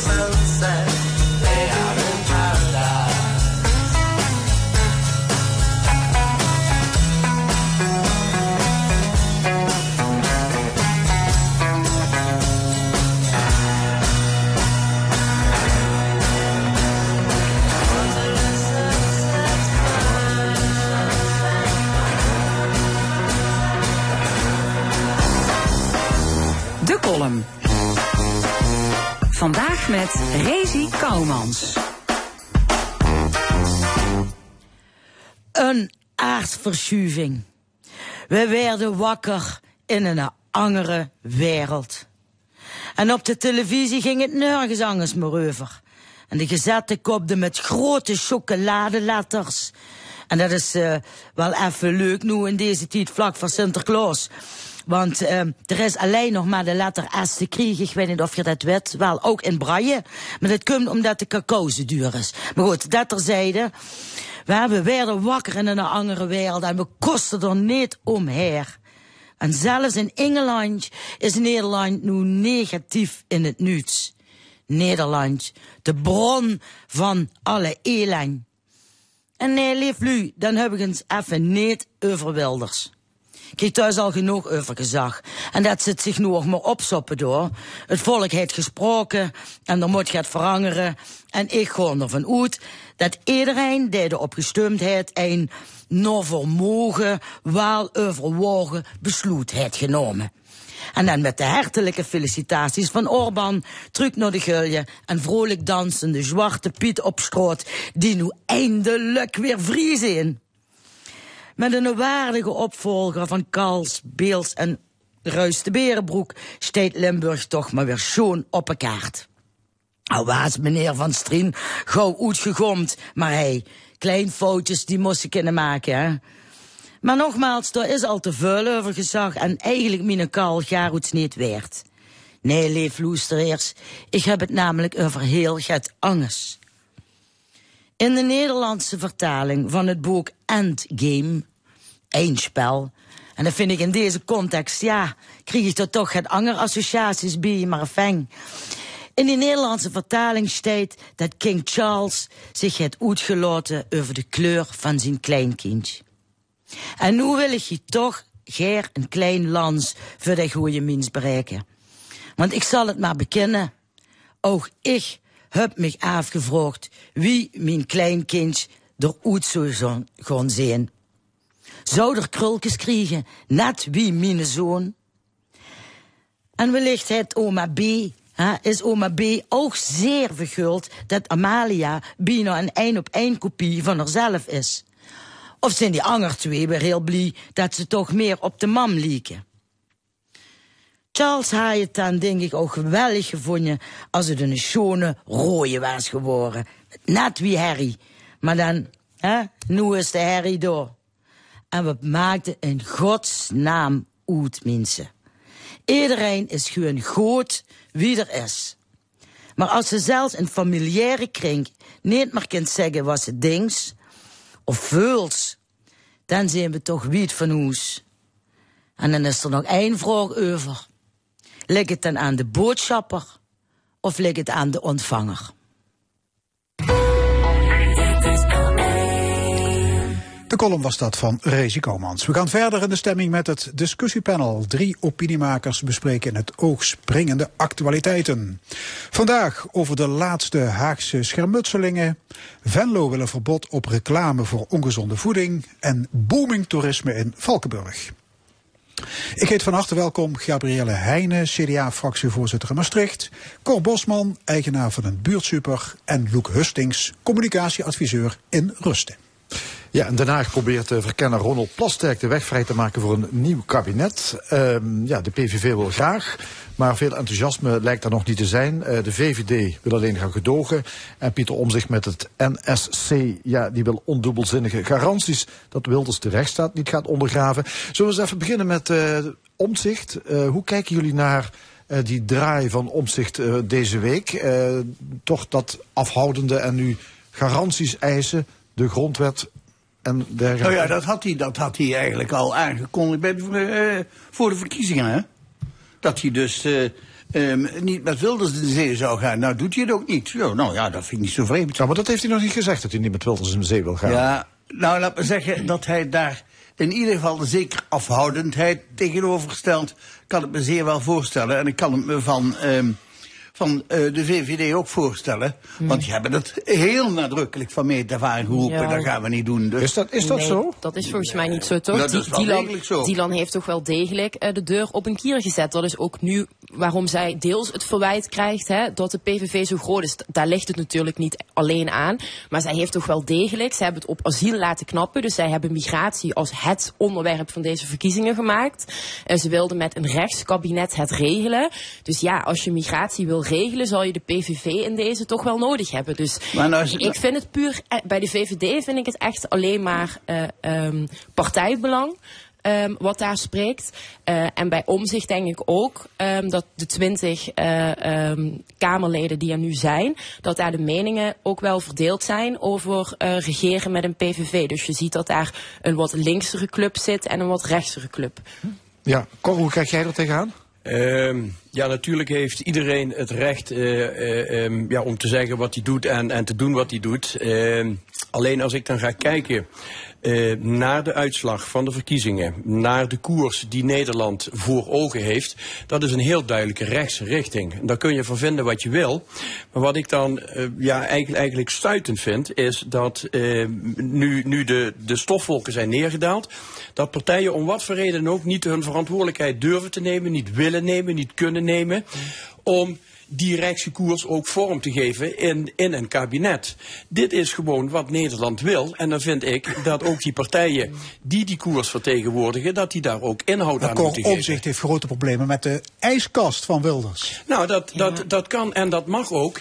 Maar ik heb ook grote problemen met kabinetten die in het verleden zijn geweest. Maar daar wordt mij vervolgens ook niet naar gevraagd. We hebben een democratie in Nederland. Die democratie, voor wat mij betreft, is die maar één keer in de zoveel tijd als wij mogen stemmen. En, en dat is dan gewoon heel praktisch van het moment dat de stembureaus opengaan tot s'avonds 9 uur. En dan is die democratie van de Nederlander weg.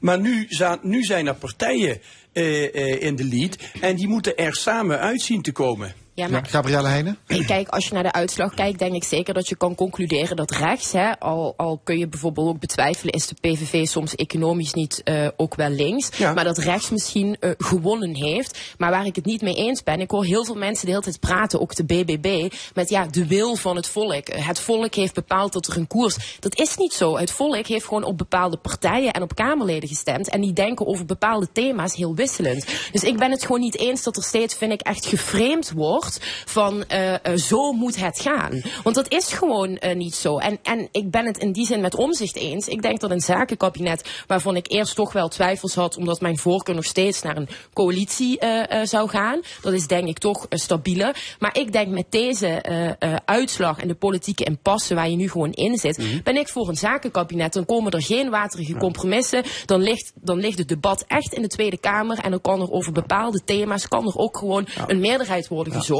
En dat doet ook geen afbreuk dan aan het partijbelang. Wat je de Maar- afgelopen maar tijd. zover zijn we nog niet. Nou ja, nou ja, je zegt zoveel, maar het lijkt er toch op dat NSC en ook VVD eigenlijk geen zin hebben om het Wilders te gaan regeren. Ja, maar Ze dan- durven dan- het misschien niet zo te zeggen, maar ja, maar, dat, ja, maar ze. dat, is dus, dat, dat is dus wat ik net zeg. Ze willen, kunnen, durven niet hun verantwoordelijkheid te nemen. Terwijl ehm, een, een VVD, die heeft voor het eerst sinds eh 10, 12 jaar... hebben ze nu klappen gekregen dat ze 10 zetels hebben ingeleverd.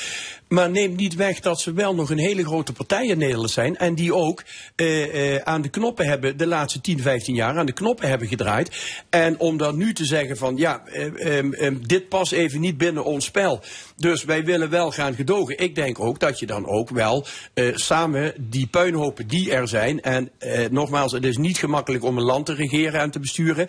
Maar dan vind ik ook wel dat ze daar hun verantwoordelijkheid in moeten nemen als een van de grotere partijen in Nederland. Punt. Ja, maar goed, als NSC zegt, we hebben echt principiële bezwaren tegen, eh, tegen Wilders, want hij gaat iets in de koelkast zetten, maar je weet niet wanneer hij het eruit haalt. Nee, maar weet je, het, je, je draait eigenlijk de zaak om. Je moet beginnen met Wilders. En die wil niet regeren. Dat gaat nooit gebeuren. En dan kan ik je precies uitleggen waarom. Even los van Balkens, zijn eh, opmerking in de tijd over Fortuin. Nederland gaat een pleeffiguur slaan in het buitenland. Nou, daar ben ik het dus volledig mee eens, ook in dit verband. Maar je moet je eens realiseren. eh, Wilders is geen verbinder, maar is een woedige leider. Hè? Dus laten we zeggen, die is erbij uit om partijen uit elkaar te trekken en zo hard mogelijk te polariseren. Op die manier krijg je nooit regering rond. Maar nu even los van of je die zou rondkrijgen. Je kunt toch nooit een land vooruit krijgen door de boel te verdelen. Dat, dat gaat niks worden. Daarbij komt, en nou, dat is eigenlijk het belangrijkste punt. De alleenheerser in die partij is Wilders. Ja. Je kunt niet alleenheerser in je fractie zijn en alleenheerser in je kabinet zijn. Het is één van beide. Je wordt premier. En dan zul je dus moeten zien dat je zo'n kabinet in de klauwen houdt. En als je dat wil doen op de manier zoals Wilders, dan denk ik dat er weinig coalitiegenoten zijn die zich daarbij willen aansluiten.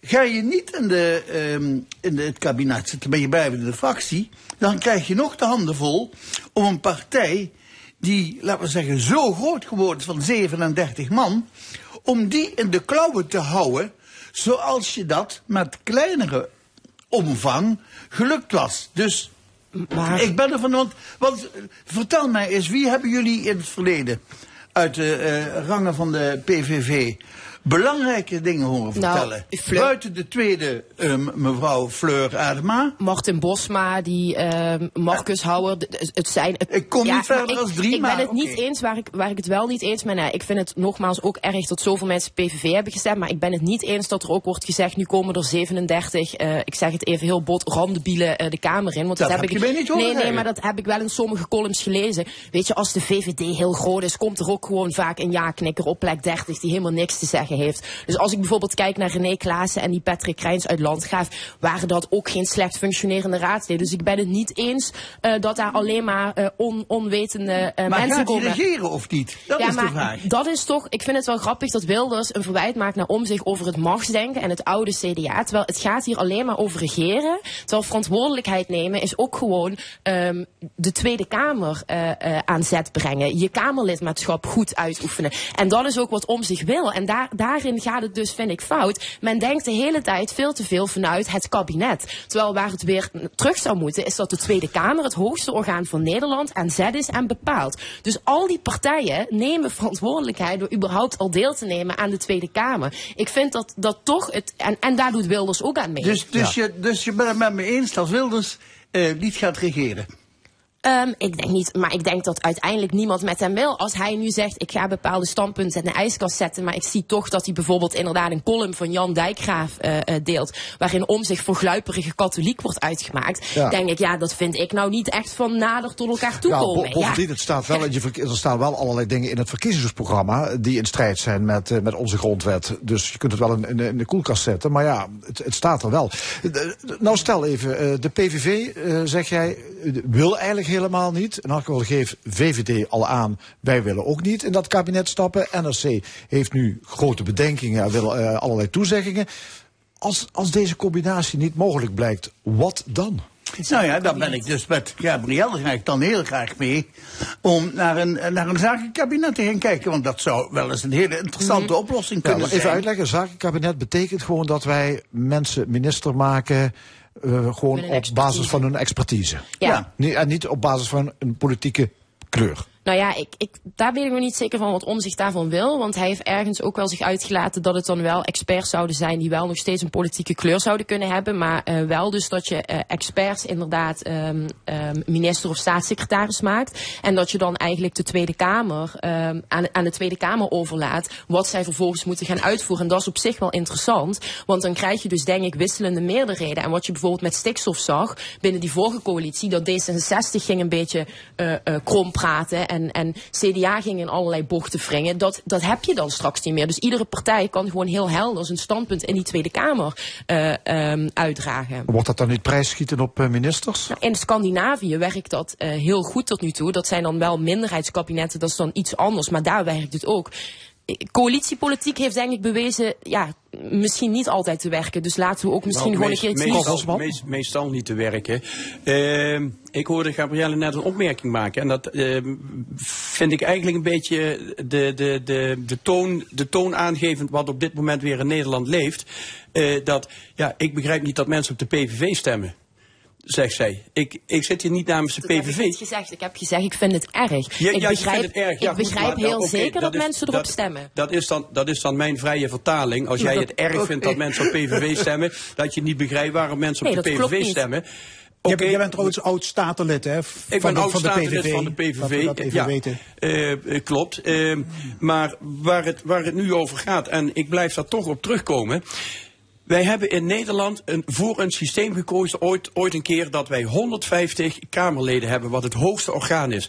En die 150 Kamerleden, vanuit welke geleding dat ze ook komen, welke politieke kleur dat ze hebben, welke politieke partij eh, dat ze voor staan, die 150 Kamerleden, die hebben het vertrouwen van heel, een hele hoop Nederlanders gekregen om het beste voor Nederland te doen. En dan zullen ze dan met z'n allen, als wij in Nederland het woord inclusiviteit, iedereen doet mee, dan zullen die 150 Kamerleden zullen daaruit moeten komen. Maar dat, kan, En dat betekent niet iemand anders dwingen om met je samen te werken. En dat is, kijk, nogmaals, inderdaad, democratie is, we kiezen die 150 Kamerleden. Die zijn nu gekozen, maar dat wil niet zeggen dat je dan maar je eigen wordt- standpunten nee, in de maar daar prullenbak... wordt, maar daar wordt, Eh, toch, ja. daar wordt toch niemand gedwongen om. Wat je nu, wat je nu Ja, maar tegen- zegt van, hij Ja. moet zijn verantwoordelijkheid Wat- nemen. Met andere nee, woorden... Je ziet, je ziet nu het tegenovergestelde. Ik zie juist dat, dat partijen nu hun verantwoordelijkheid ontlopen. Maar hoe dan? Hoe dan? Omdat ze eisen stellen aan tegen een de fatsoenlijke grondwet regering. ingaan, Hoe kun je, ik, ik, ik, ik wil het even niet over het inhoudelijk hebben. Het gaat alleen maar. Nee, het gaat alleen maar gaat- even gaat om- over de. dit gaat Gaat om over de inhoud. inhoud. Eh, nee, die inhoud.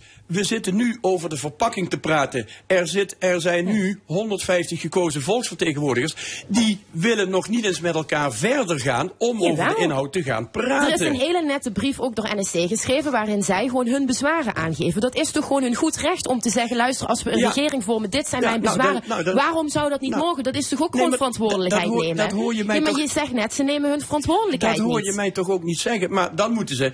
Maar als, als ze dan, eh, wat jij zegt, dat dit een vorm van verantwoordelijkheid nemen is. dan moet Omzicht ook, eh, Omzicht ook een vent zijn en zeggen van. oké, wij stappen uit, uit de hele onderhandelingen. zoek maar iemand anders erbij. Dan neem je je verantwoordelijkheid. Maar hij gaat al aan de voorkant, begint hij. Nee, dat heet, verkenning. dat heet gewoon het verkenningsproces. Dat is toch logisch dat je daar gewoon stappen in zet. Dus jij vindt gewoon of je moet ja zeggen of nee. Er is geen enkele tussenweg zoals nu. Gewoon eens eerst het gesprek Nou, aangaan en jij, bepaalde als, eisen jij stellen. dit, als jij dit uitlegt als, als, een, als een vorm van verantwoordelijkheid nemen, ben ik het daar niet mee eens. Nee. Weet je wat, jongens, wat een hele interessante gedachte is? Dat de grondwet gaat helemaal niet van partijen uit, hè? Nee. Die zegt dat die gekozen vertegenwoordigers zouden zonder ehm, last en ruggespraak hun stem moeten uitbrengen of hun, eh, hun, hun, hun dingen moeten doen.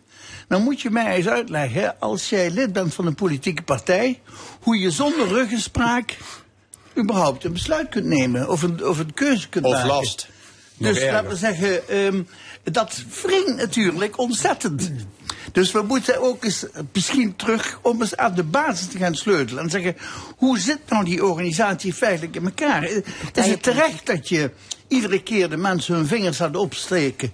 om te, eh, te zweren dat ze zonder last en ruggespraak hun werk zullen doen? Kan dat nog wel Ja, maar dat komt ook op karakter aan en onafhankelijkheid. En dat heeft om zich wel heel goed laten zien. Ik denk dat hij daarom ook nu zo groot is geworden. Maar het probleem is natuurlijk, dat is wat ik net al zei, dat heb je bij de VVD ook gezien. Heel veel ja-knikkers die gewoon weten, als ik nu tegen Rutte inga, dan kom ik gewoon heel laag op de lijst of ik kom niet meer op de lijst. Ja, en dan Dus is, ja. Mijn, is mijn baantje weg. Ja, Ja, exact. Ja, Luc, je zei er straks van, Wilders wil niet regeren. Nee. Stel, het komt toch tot een kabinet. Is Wilders ervan overtuigd dat het een fiasco wordt?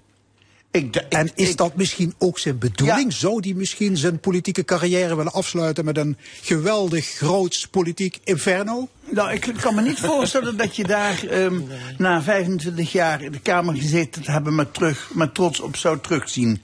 Ik, eh, eh, iets anders is. Maar hij heeft ben- niks anders gedaan dan brandjes stichten? Ja, maar dat, en- dat en- kun je in de oppositiebank kun je dat heel leuk doen. Maar op het moment dat je regeringsverantwoordelijkheid hebt, is dat jouw rol niet meer. Hè?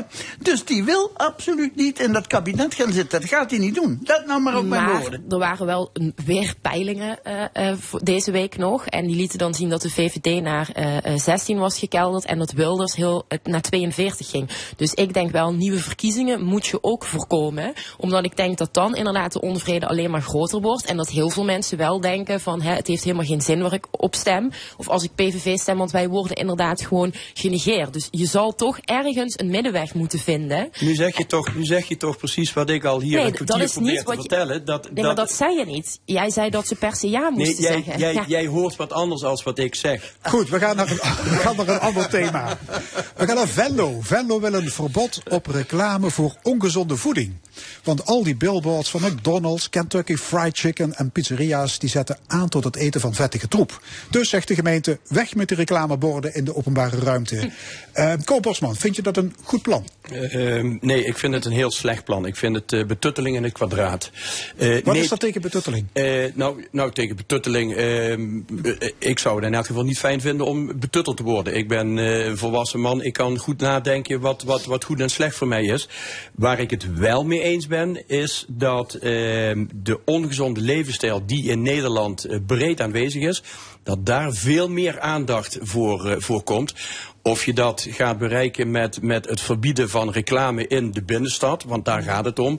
Eh, ik betwijfel dat ten zeerste. Nou goed, Het- ro- roken wordt ook stevig aangepakt door de overheid. Geen reclame, geen sigarettenautomaten, overal een rookverbod. toch iets anders. Waarom, Maar dat is- waarom maar- dan niet met ongezond voedsel? Nou, dat, dat, dat, dat, dat kun je je afvragen. En, en, en eh, eh, ja, ongezonde levensstijl, eh, eh, drinken, roken. eh, maar ik zie nergens een verbod op coffeeshops of weet ik wat. Dus het, het ligt er maar net aan waar, waar, leg je, eh, waar leg je op dit moment de prioriteit neer. Eh, nogmaals, neem niet weg dat ongezonde levensstijl in Nederland aandacht verdient. Ga je dat bereiken met het verbieden van reclame? Denk het niet. En niet zo'n beetje aandacht als je bedenkt hoe eh, sterk die obesitas, of de groep obesen groeit. Nou, dan is dat reden voor alle zorg. En eh, dan kom ik, laten we zeggen, met mijn stelling tevoorschijn. Eh, dat de oorzaak van die obesitas is, is dat ehm, eh, jongere generaties kunnen niet meer koken. Die weten niet meer wat je moet doen om van eh, een product zoals bonen of weet ik veel wat en aardappelen, hoe je dat te consumeren op tafel kunt zetten. En als je dat niet weet, dan is natuurlijk de handigste uitweg om of naar een McDonald's of voor olievuitheid allemaal heet te mogen te rennen. Of iets kan en klaar in elkaar te donderen waar je water bij gooit en het opwarmt. En dat zijn hapklare brokken geworden. Dus de oude huishoudschool moet terug. Nou, het feit dat, eh, laat laat ik anders zeggen, die huishoudschool heeft heel veel nut gedaan. En het feit dat mensen niet meer kunnen koken, hè, dat vroeger werd dat heel erg nog ook van, van moeder naar dochter overgedragen. Ja, precies, ja. Voor de vrouwen was het heel fijn. Lekker achter Nou, zou- ja. op dit moment Ja, zijn er meer mannen die eh, behoorlijk koken dan dat er vrouwen zijn die behoorlijk dan zit er koken. toch schot in de roos, toch? Met, met het Jawel, koken. maar het is in ieder geval. Nee, maar het, het, het punt komt erop neer. Je moet. ehm, je, als je nou kijkt naar de grote massa, ben ik ervan overtuigd dat het niet kunnen koken de reden is van deze onge Maar, maar terug, terug, terug naar die billboards. Eh, het onderzoek blijkt dat reclame wel degelijk invloed heeft op je, op je eetgedrag. Anders Er is het ook een- niet op. Precies, er is een lector voedsel en gezondheid en die zegt... als je iets ziet, is de keuze eigenlijk al gemaakt.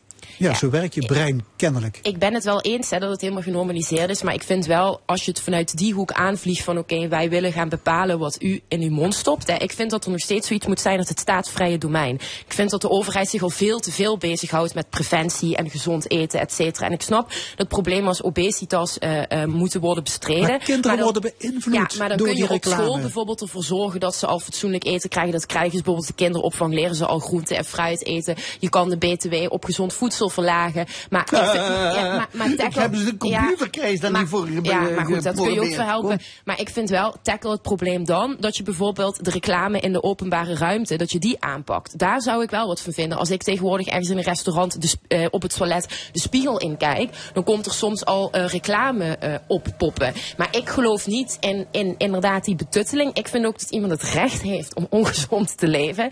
En ik vind wel dat je eh, ehm, gezond voedsel op andere manieren kan stimuleren. Maar ik vind dit hier niet één van. En ook een lokaal, eh, lokaal verbod. Ja. Nee, Weet je, dan maar- ga je naar Heerlen en dan zie je het daar hangen. Ja. Nou ja, in, in Bloemendaal is reclame voor vlees en zuivel verboden. Ja. En in Utrecht voor eh, vliegreizen Vliegen en en, eh, benzineauto's. We willen allemaal Is- een soort bepaalde mens daarmee creëren. En ik ben daar gewoon feitelijk tegen. Ik vind niet dat een overheid die op heel veel andere terreinen waar ze voor zijn, veiligheid, bestaanszekerheid, gewoon echt eh, steken laten vallen, dat ze dan nu opeens hele akkoorden over preventie, et cetera, eh, alleen maar om jou eigenlijk te forceren om eh, wat gezond eten is. Wie bepaalt dat ook dan wat gezond eten is? Dat vind ik ook een. een ik, ik, ook- ja, Nou ja, broccoli is gezonder dan een eh, pizza. nou ja, dat was toch ook de discussie op bijvoorbeeld eh, de BTW-verlagen. Ging het erover van ja, eh, wat is dan eh, een, een appelmoes of zo? Als je er dan geen suiker aan toevoegt of wel, noem maar op, was het dan wel gezond of niet? Dus wij, wij krijgen er altijd een discussie over. Het kan nooit simpel gaan. Ik ben daar gewoon echt op tegen. Ik vind niet dat dat een, een, een overheidstaak is van, van een gemeente. En dat gemeente Venlo denk ik wel belangrijkere zaken heeft om Ja, aan wij te lopen, pakken. wij lopen heel erg achter modeverschijnselen aan. Eh, je, je gaf net zelf al het voorbeeld van Utrecht en andere, en andere steden. Eh, mag je thuis een keer opzoeken. eh, ja, eh, de iedere gemeente gaat over zijn, over zijn eigen die gaat, die reclamebeleid. gaat over zijn eigen Ja. dingen. Alleen het, het, het, eh, iemand bij de gemeente die denkt zich dat dan uit. Nou, dat komt op een gegeven moment, want ik zag dat het eh, raadsbreed ge- gedragen was, zelfs in de, in de gemeenteraad. Nou, prima. Ehm, maar waar het om gaat is. Ehm, dat wij, we- wij weten wat we willen. We willen eh, overgewicht willen we aanpakken. Dat weten we. Hoe willen we dat gaan doen? Met, met het verbieden van de billboards, et cetera. Maar waarom willen we de obesitas en het overgewicht aanpakken? Dat komt er niet naar voren. Op het moment als jij niet bewust bent dat jij eh, jouw gedrag, jouw levensstijl, dat die niet gezond is, als je je daar niet van bewust bent, dan heeft de rest helemaal geen invloed wat je doet. En dat noemen we de gouden cirkel van Sinek. Mag je een keer opzoeken als je thuis niks te doen hebt. De gouden cirkel van Sinek. Het waarom, het besef van het waarom is veel belangrijker als het hoe en wat. Oké, die, die s- slaan we op. De Gouden Cirkel van Sinek. Yes, alsjeblieft. Oké. We gaan naar Valkenburg. Ehm, ja, deze week bleek dat het eh, stadje in de top 10 staat van populaire vakantiebestemmingen. Tenminste van eh, Booking.com, commercieel bedrijf. hè. Eh 1,3 miljoen bezoekers per jaar blijkbaar. Eh, ja, enig idee. Waarom is Valkenburg zo aantrekkelijk blijkbaar? Ja, dat komt omdat Daan Prevoda de burgemeester Oh, is. ja. Die, zal, die zal natuurlijk, Daan, jij zult wel van oor tot oor glimmen. Valkenburg doet het gewoon hartstikke goed. Eh, ik weet niet of je, welke waarde je aan die Booking.com eh, eh, top 10 eh, t- eh, eh, eh, lijst mag, eh, mag hechten. Maar eh, ja, Valkenburg doet het gewoon heel goed. Ze hebben het volgend jaar halen ze weer een, eh, een, eh, eh, hoe heet het, een start van een etappe van, eh, van de Tour de Femme halen Ja. ze binnen. Ja, Valkenburg Nu, doet het en gewoon nu, goed. nu zijn er kerstmarkten hè, in de grotten. Dus, eh, Ja, ja. Ik vind het echt hartstikke leuk allemaal. Ja? En, en wat, wat, wat Koor zegt, ze doen het goed. Nou, dat is absoluut waar. Felicitatie even terug, naar, Ja. even terug naar, naar deze eh, wereldwijde uitverkiezing.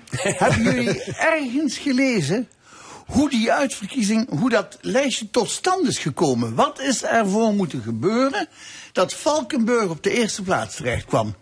Ik weet het niet. Jawel, dat staat, dat staat ergens gelezen dat eh, eh, relatief gezien dat er meer boekingen eh, ten opzichte Ja. van de vorige keren Ja. zijn geweest. Nou, dat, dat, dat is allemaal Ja, heel erg relatief. Ik heb ook Heerlen is volgens mij ook een keer als best toeristische eh, stad of zo uit Parkstad. En dat was dan eh, omdat ze Gaia Zoo et cetera hadden. Dus soms zijn ook wel die, die parameters, om het maar even zo te zeggen, Ja. ook wel dat ik denk Ja, van oké, maar je kunt, dan kun je voor alles weer afvragen. Van de andere kant, het krijgt aandacht. Ja. Er zijn misschien nu weer mensen die denken: oh, ik moet blijkbaar naar Valkenburg. Ah, is, dit- Venetië van Nederland, Ja, is ja. dit een positieve ontwikkeling of moet je hier is- alert op zijn dat dit ook wel eens fout Het kan is gaan? zeker geen negatieve ontwikkeling. Hè? Ja. En ik ben eerder geneigd om te zeggen, het is een positieve ontwikkeling. Als op die manier Valkenburg weer in het nieuws komt en daarmee, want dat heb ik nu wel in veel publicaties gelezen, ehm, is de aanleiding.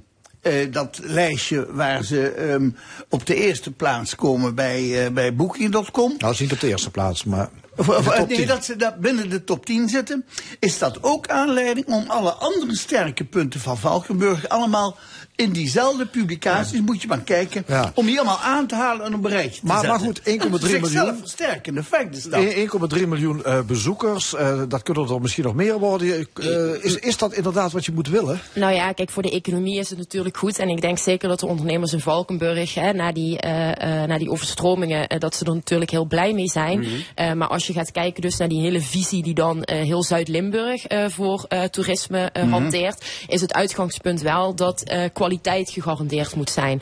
Ehm, Ja, dus, nou ja, en dat is- kwaliteit. En, eh, ik- een van de ondernemers zei, mensen komen hier voor de rust. Nou, ik denk, Ja, moet kijk, je dan- maar ik denk ook dat bewoners in Zuid-Limburg zijn natuurlijk niet altijd blij eh, met het vele Ja. toerisme. In Maastricht bijvoorbeeld zie je ook dat op zondagen het, het verkeer helemaal vastloopt. Hè, omdat allerlei Belgen en Duitsers komen. Daar zijn inwoners gewoon echt niet blij mee. Dus het is altijd wel als politiek zijnde wel ehm, de uitdaging om een, om een goede balans daarin eh, Ja, door, door, massatoerisme gaat ook alles naar de galamie Dat is Ja, toch een ijzeren wet? Dat zie je nu toch ook gebeuren, dat er steeds meer weerstand optreedt tegen vakantieparken en zo. Ja, in Zuid- Kijk eens naar Zuid- Venetië. Ja, Amsterdam. Ja, maar Amsterdam. Ik, daar wil ik wel een beetje, want dat wordt ook altijd eh, in de gemeenteraad in Maastricht wordt er dan gezegd van ja, we gaan naar, eh, we worden straks Amsterdam of we worden Venetië. Ja, zover zijn we echt eh, eh, bij lange na nog niet. Dus ik vind dat soms ook wel echt doemscenario's en dan denk ik, we hoeven onszelf ook niet groter te maken dan dat we Nee, zijn. maar wat- we gaan maar- echt geen Venetië maar worden. zoals- Zo aantrekkelijk zijn maar we hier wat ik gewoon wel gevonden heb in het verleden,